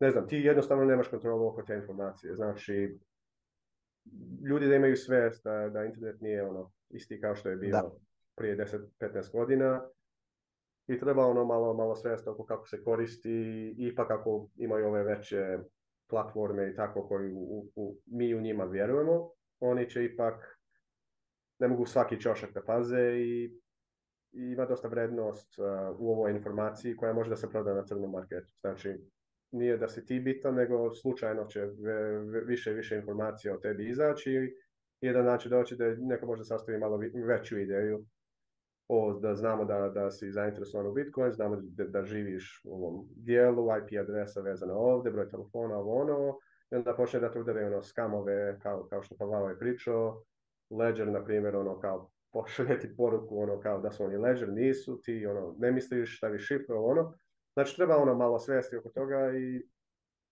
mi svi to učimo zajedno. A, ali mislim više važi za, za ne znam, a, možda starije ljude, ljude koji mhm. imaju više da izgube um, sa svojim identitetom. Znači, nije možda, možda mi nismo ono najglavniji target tu, nego ono obični ljudi oko sveta koji ili pričaju istinu i neće da, da, da ljudi znaju ko su oni za, svoj, ono, za svoju bezbednost.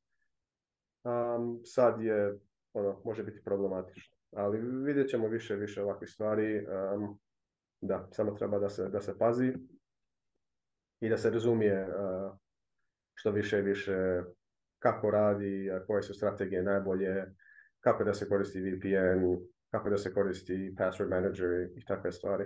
Mislim, to je osnovno u, u ovoj, uh, kako bi rekao, era, era of the internet. Um, mislim, zanimljivo vreme, baš. Mislim, zato je, zato je meni, recimo, ja sad, uh, to sam, ne znam, ja sam tu kanalu, negdje sam pričali o tome. Ja znam sada, recimo, uh, moji, ajmo reći, ljude koje sad prvi put ko se orange pila, ajmo reći ja da ga orange pilam pa da ono, pr, ima prvu, prvi wallet kojega, kojega instalira. E, ja više sad idem im ovako reći. Znači, walletov da, se Prvo wallet se toši do neku da. maksimum što može da stane u domaću. Tako je, oni ti ne daju da staviš više od 5 bitcoina. Da, Nije malo, i, ali, onda na moon, da. E, e, onda na moon, ali hoću reći, recimo, dobra je prilika kad kad nekoga orange pilaš na wallet of Satoshi, šta on stavi svo mora ono staviti mail i onda cijeli recovery walleta je preko maila. Ali onda ti je uvijek to odlična prilika da pitaš čovjeka kako ti, je mail a kako ti je mail osiguran. E, ja imam lozinku, a to je to ista lozinka koji, koji Facebook i sve. Pa a lozinka je ono, ne znam, nešto, ime mame i broj godina rođenja. A onda, im, onda je dobra prilika da, da im pokažem ono kako, šta je pas strength kako, i... Kako se zove 2FA, jel to? To je isto važna stvar da se koristi. Um... Apsolutno, znači to je ono, tu faktor authenticate, šta, je to? Znači to su ono time, time based e, ono, kodovi za, za, za ulaz u, šta već, koristi sa, zajedno sa passwordom, ali hoću reći na nekakav ono progres e, ajmo reći, od kastodi da ti neko drugi drži Bitcoin, a ti onda trebaš, poč, trebaš prvo trebaš prvo naučiti kao, kao newbie da zadržati Bitcoin sam moraš imati bazu tog information security-a. Ja se sjećam, ja sam isto koristio LastPass jedno vrijeme, međutim sjećam se kad sam eh, malo ozbiljnije ušao u Bitcoin rabbit hole, da, dakle, meni bilo neka intuicija me je maknula čas sa, sa last Meni je bilo da nisu bili open source. Meni je... Da, nisu bili open source i malo je to sve skupa bilo nekako, ne znam, čudno. A onda kad sam vidio Bitwarden, da je ono kompletno open source i da možeš uh, uh, s Bitcoinom, i to može, da. Rekao, ono, to ću, to ću, ovaj, to ću probati i vidio sam da je, da je onako puno a pa to dobiješ kao nekakav feeling već za kako aplikacija izgleda, koliko je, ono, da li je, ne znam kako bi to rekao. Potpuno si u pravu, ja sam kroz isti proces prošao. Mislim, e. i potpuno isto, ja sam isto imao last class i onda sam naučio za Bitwarden kroz, mislim, open source. Kad, je, kad sam naučio koliko je važno da bude taj kod otvoren, da može da se čita, da ljudi razumiju da neko to može na kraju, ne može da, da, da, da ti, ono, rag, pula. Tako je, tako je. Ali bitno je, kažem, bitno je recimo za, za, za ljude koji, koji ono, krenu u Bitcoin da, da idu tim redoslijedom. Po mom mišljenju je to sigurniji redoslijed e, nego, nego da idu pa da kupe ono Ledger. Jer Ledger ne, ti ako si, ti ako imaš leđa... Pa ne znaš što jašeš konje, ne, ne možeš... Ne, ne da, ne, ne, to ti je ono, bananko banana, znači ti ne, ti ne kužiš ono atak vektore koji ti ledger imaju, phishing attack, social engineering attack i tako dalje.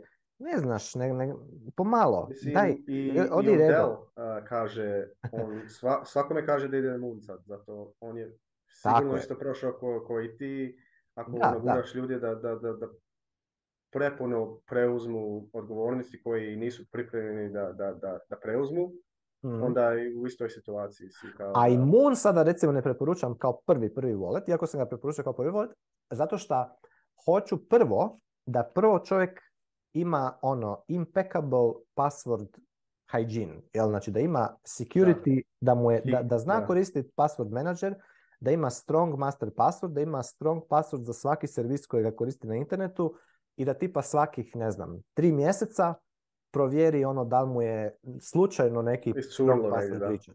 I da, da, ima to, da ima to uspostavljeno. I tek onda, i recimo da ima tako strong password i two-factor authentication na, na, na svom mail accountu i drži na wallet of Satoshi Bitcoin, tek onda ako je sve to napravio, i onda je spreman otići na self-custody sa, sa Moon, two of two multi-signature self-custody gdje onda on ne, ne može njemu moon recoverat. U to Satoshi ti može recoverat. Ako izgubiš mobitel, oni će ti poslat, ono, samo trebaš mail. Ali ovaj, moon ti ne može. Moon je, ono, moon, je samo ima jedan signature. Uh, uh Treba ti ta dva dijela. Uh, on, da, on tebi daje enkriptani uh, dva od dva ono, multisignature i daje ti i onaj taj recovery code kojega wallet generira i može dekriptat uh, taj E, tu Ali oni drže drugi, drugi dio ključa. Oni drže, znači njihov server automatski, automatski sajna, sajna drugu, znači ti kad šalješ sa Muna, tvoj mobitel sajna jedan, jedan dio, jedan od dva, a on, oni sajnaju drugi od dva. Oni to sajna automatski, neručno.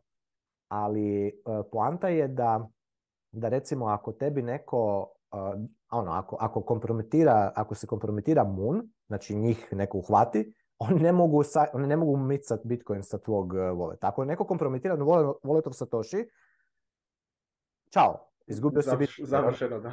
E, ali ovdje ne. Ovdje, ili ako tebi neko uzme, uzme mobitel, ne može poslati ako nema, ako nema kooperaciju sa, sa, sa Moonom. Tako da Moon imaju u pipelineu da stave da, da ti recimo ako ti, ne znam, slučajno ti se dogodi da ti neko ukrade mobitel, a recimo da ti je Moon kao aplikacija ostao otvoren, jer inače se on, ti kad njega zatvoriš, onda moraš ga otvoriti sa pinom, ili ako se dobro, ako se log autoš van iz njega, onda ga možeš recoverat ono, kombinacijom emaila i pasvorda, e-maila i onoga recovery koda ili, ili možeš otići onaj, onaj, baš da ga recoveraš sa, da, da sva sredstva prebaciš na, na, na nekakav na novu adresu. To je onaj PDF eh, recovery kit, jel? E, I onda da. to trebaš downloadat sa, sa GitHuba, taj njihov uh, recovery kit, mali modul i otvori terminal i tamo unet par, par stvari. Ali to je ono, nuklearna opcija, to je ono u slučaju da, da, da, da doslovno iscenzuriraju uh, Moon e, sa, i sa Google Playa i sa App Store-a i da ne znam se šta dogodi. Pa onda moraš i sam to, to napraviti, taj proces. Opet ti možeš to sam recoverat, ali sam htio reći da, da je ono, poanta je samo da, da kod, kod orange pilanja ljudi i kod njubija e, je bitno da idu kroz, te progres, kroz tu progresiju da razumiju šta rade, jer na kraju doći će u, u točku gdje će reći, ok, da li mi sada treba hardware wallet, onda ćeš ti njema, onda će recimo razumjeti da hardware wallet, znači, znači od, moraju razumjeti od čega se, od čega se žele zaštititi, jel? I s druge strane, šta hardware wallet potencijalno ako ga kupe i naruče, da li i to otvara nekakav atak vektor? Da li postoji nekakav supply chain atak vektor, da mu neko ostavi backdoor pod navodnicima u, hardware wallet? I da li postoji nekakva mogućnost da taj podatak gdje je on ostavio svoje podatke, naručio na adresu svoju da će mu doći, da li je to isto problem da neko to ne, ne, ne, ne dođe do tih podataka kao što se dogodilo sa ovim sa Ledgerom, jel? Da sada neko ima bazu svih ljudi koji su kupili Ledger i drže ono, drže, drže, drže better assets. Znači nije to da ti koji tebi ako neko ukrade karticu od banke, može se fučkat s tim, jer ćeš ti zvat banku i banka će zamrzut račun i ako je slučajno i napravio nekakvu transakciju će ga će reversat. Ali ti držiš Bearer asset, znači ti ako držiš glupi ledger ono doma, a neko zna da ga, da, da, da, da ga imaš doma, e, to je kao da držiš zlato doma. Znači, ono, nemaš, nije, nije, ti, nije ti security dobar, ja se ne bi dobro osjećao. A nažalost sam imao ono, jednu osobu koja je to kupi, ono, koja je stavila Bitcoin na ledger, baš me to sada grebe, moram to, to riješiti e, tog čovjeka da to makne. E, s tog, tog glupog Ne zato što ledger sam po sebi je nužno unsecure, nego je sve oko njega unsecure i pogotovo taj level understandinga koje ljudi imaju je nigdje. Znači možeš ih ono iskemat ko, ko jazavce. on misli da je, da je njegov Bitcoin na tom uređaju. Ali, ali dobro, ne, mislim, e, ne veze, ajde. To, e, samo sam to htio reći da je dobro imati progression. I nije nužno uvijek eh, self-custody sigurniji od custodial solutiona. Jer kažem ti, ja mislim da je sigurnije za puno njubija koje sam ja recimo Orange pilao, kad bi sad ovako gledao, za puno njih je sigurnije da drže taj, oni svi imaju relativno male iznose Bitcoin. Recimo da drže da, na custodial Bitcoin only walletu kao što je wallet of Satoshi i da onda kad, tek kad nauče ove, ovo što sam pričao, bazičnu ono, information security i password hygiene, onda mogu ići na self-custody opciju. A onda kad imaju opet još neki još veći ozbiljniji iznos, tipa ono, ne znam, odlučili su prodati nekakvu nekretninu u kojoj su štedili cijeli život i staviti taj novac u Bitcoin, pa imaju nekakvu malo ozbiljniju količinu. Ja ne bi imao problem da plaćamo ono, neku, neku količinu godišnje da, da pomoć sa tim. tako je, da. A onda recimo, sad mi se, baš mi se sviđa, jer ovaj sam, ono, počeo sam gledati da, da im preporučim onda da naprave ono Sparrow i Multisig, jer to onda već moraš ono ići, moraš im objasniti da moraju Multisig napraviti i da to trebaju kako će to, ali to je već, to je već onako more advanced, a recimo ovaj čak mi se baš sviđa kako su ga i izgleda mi, izgleda mi jako, jako fini uh, user friendly, da. Pogotovo ako ćeš ono sa tim tap signerima ono, uh, eh, right, čini mi se da bi to moglo jako dobro eh, funkcionirati za tako, za veće, za veće iznose, a, za, a opet za ljude koji su, koji ono nisu sad, ono, kažem, neko može prodat eh, drugu nekretninu u kojoj je štedio. Jel? Jer te ljudi štede u nekretninama, zato jesu toliko, toliko overvalued. Zato će se toliko na, ispuhat sad u 2023. Ali, ali ono, opet neko proda nekretninu i šta da kupi, ne znam, 20 bitcoina. ali znaš šta, ono mi prije par, prije par godina nismo ni ono, Volatov, Satoshi, Moon, Nunchuck, to nije, nije ništa postojalo. Znači, par godina prošle i sad imaš nekoliko opcije negdje između, neke malo više e, ono, tehničko malo ono, razumljenje treba ti da, da, da, to koristiš. Ima sad između da, da možda platiš, da, da imaš neku pomoć. Ima ono sve i svašta i, i ono, sa više vremena će više i više da se razvija to tržište i, i vidjet ćemo koja je u stvari najbolja opcija. Ono, treba, treba, taj, treba taj competition da, da, da, da se vidi koja, koji proizvod je najbolji. Ali prije ono par godina kad sam ja počeo gledati Bitcoin nije sve izgradilo dok smo mi bili, ono, dok smo mi studirali kao. Dobro, dobro smo se opet zapričali, a? Pa jesmo, da. E, što, što da ne, kraj godine. Kraj godine. Dobro, ajde, onda ćemo svih pozdraviti za kraj godine, zaželiti novu godinu sve uspješno, lijepo, divno i krasno. I, i ono, all in u Bitcoin. ništa se ne bojat i, i onda se vidimo već e, opet sljedeći tjedan ništa sve, sve normalno. I da, ako ko, kažem još jedan put, bit ću u Zagrebu e, sigurno, mislim sigurno, ako ne bude nekakva mečava totalna, onda ovaj prvi vikend u, u, u prvom mjesecu, u nedjelju, osmoga, tako da ćemo se dogovoriti ako se ko će naći. Evo, još jednom pozdravljamo svih i pozdrav, pozdrav. Hvala svima, hvala svima i javi mi za taj meetup, mogu ga lepo staviti na meetup.com i da, hvala svima e, gledalcima, slušalcima, hvala što ste nam se pridružili ove godine i vidjet ćemo sljedeće godine, gurat ćemo još jednu, pa ćemo da vidimo kako sve ide. Odlično. svima.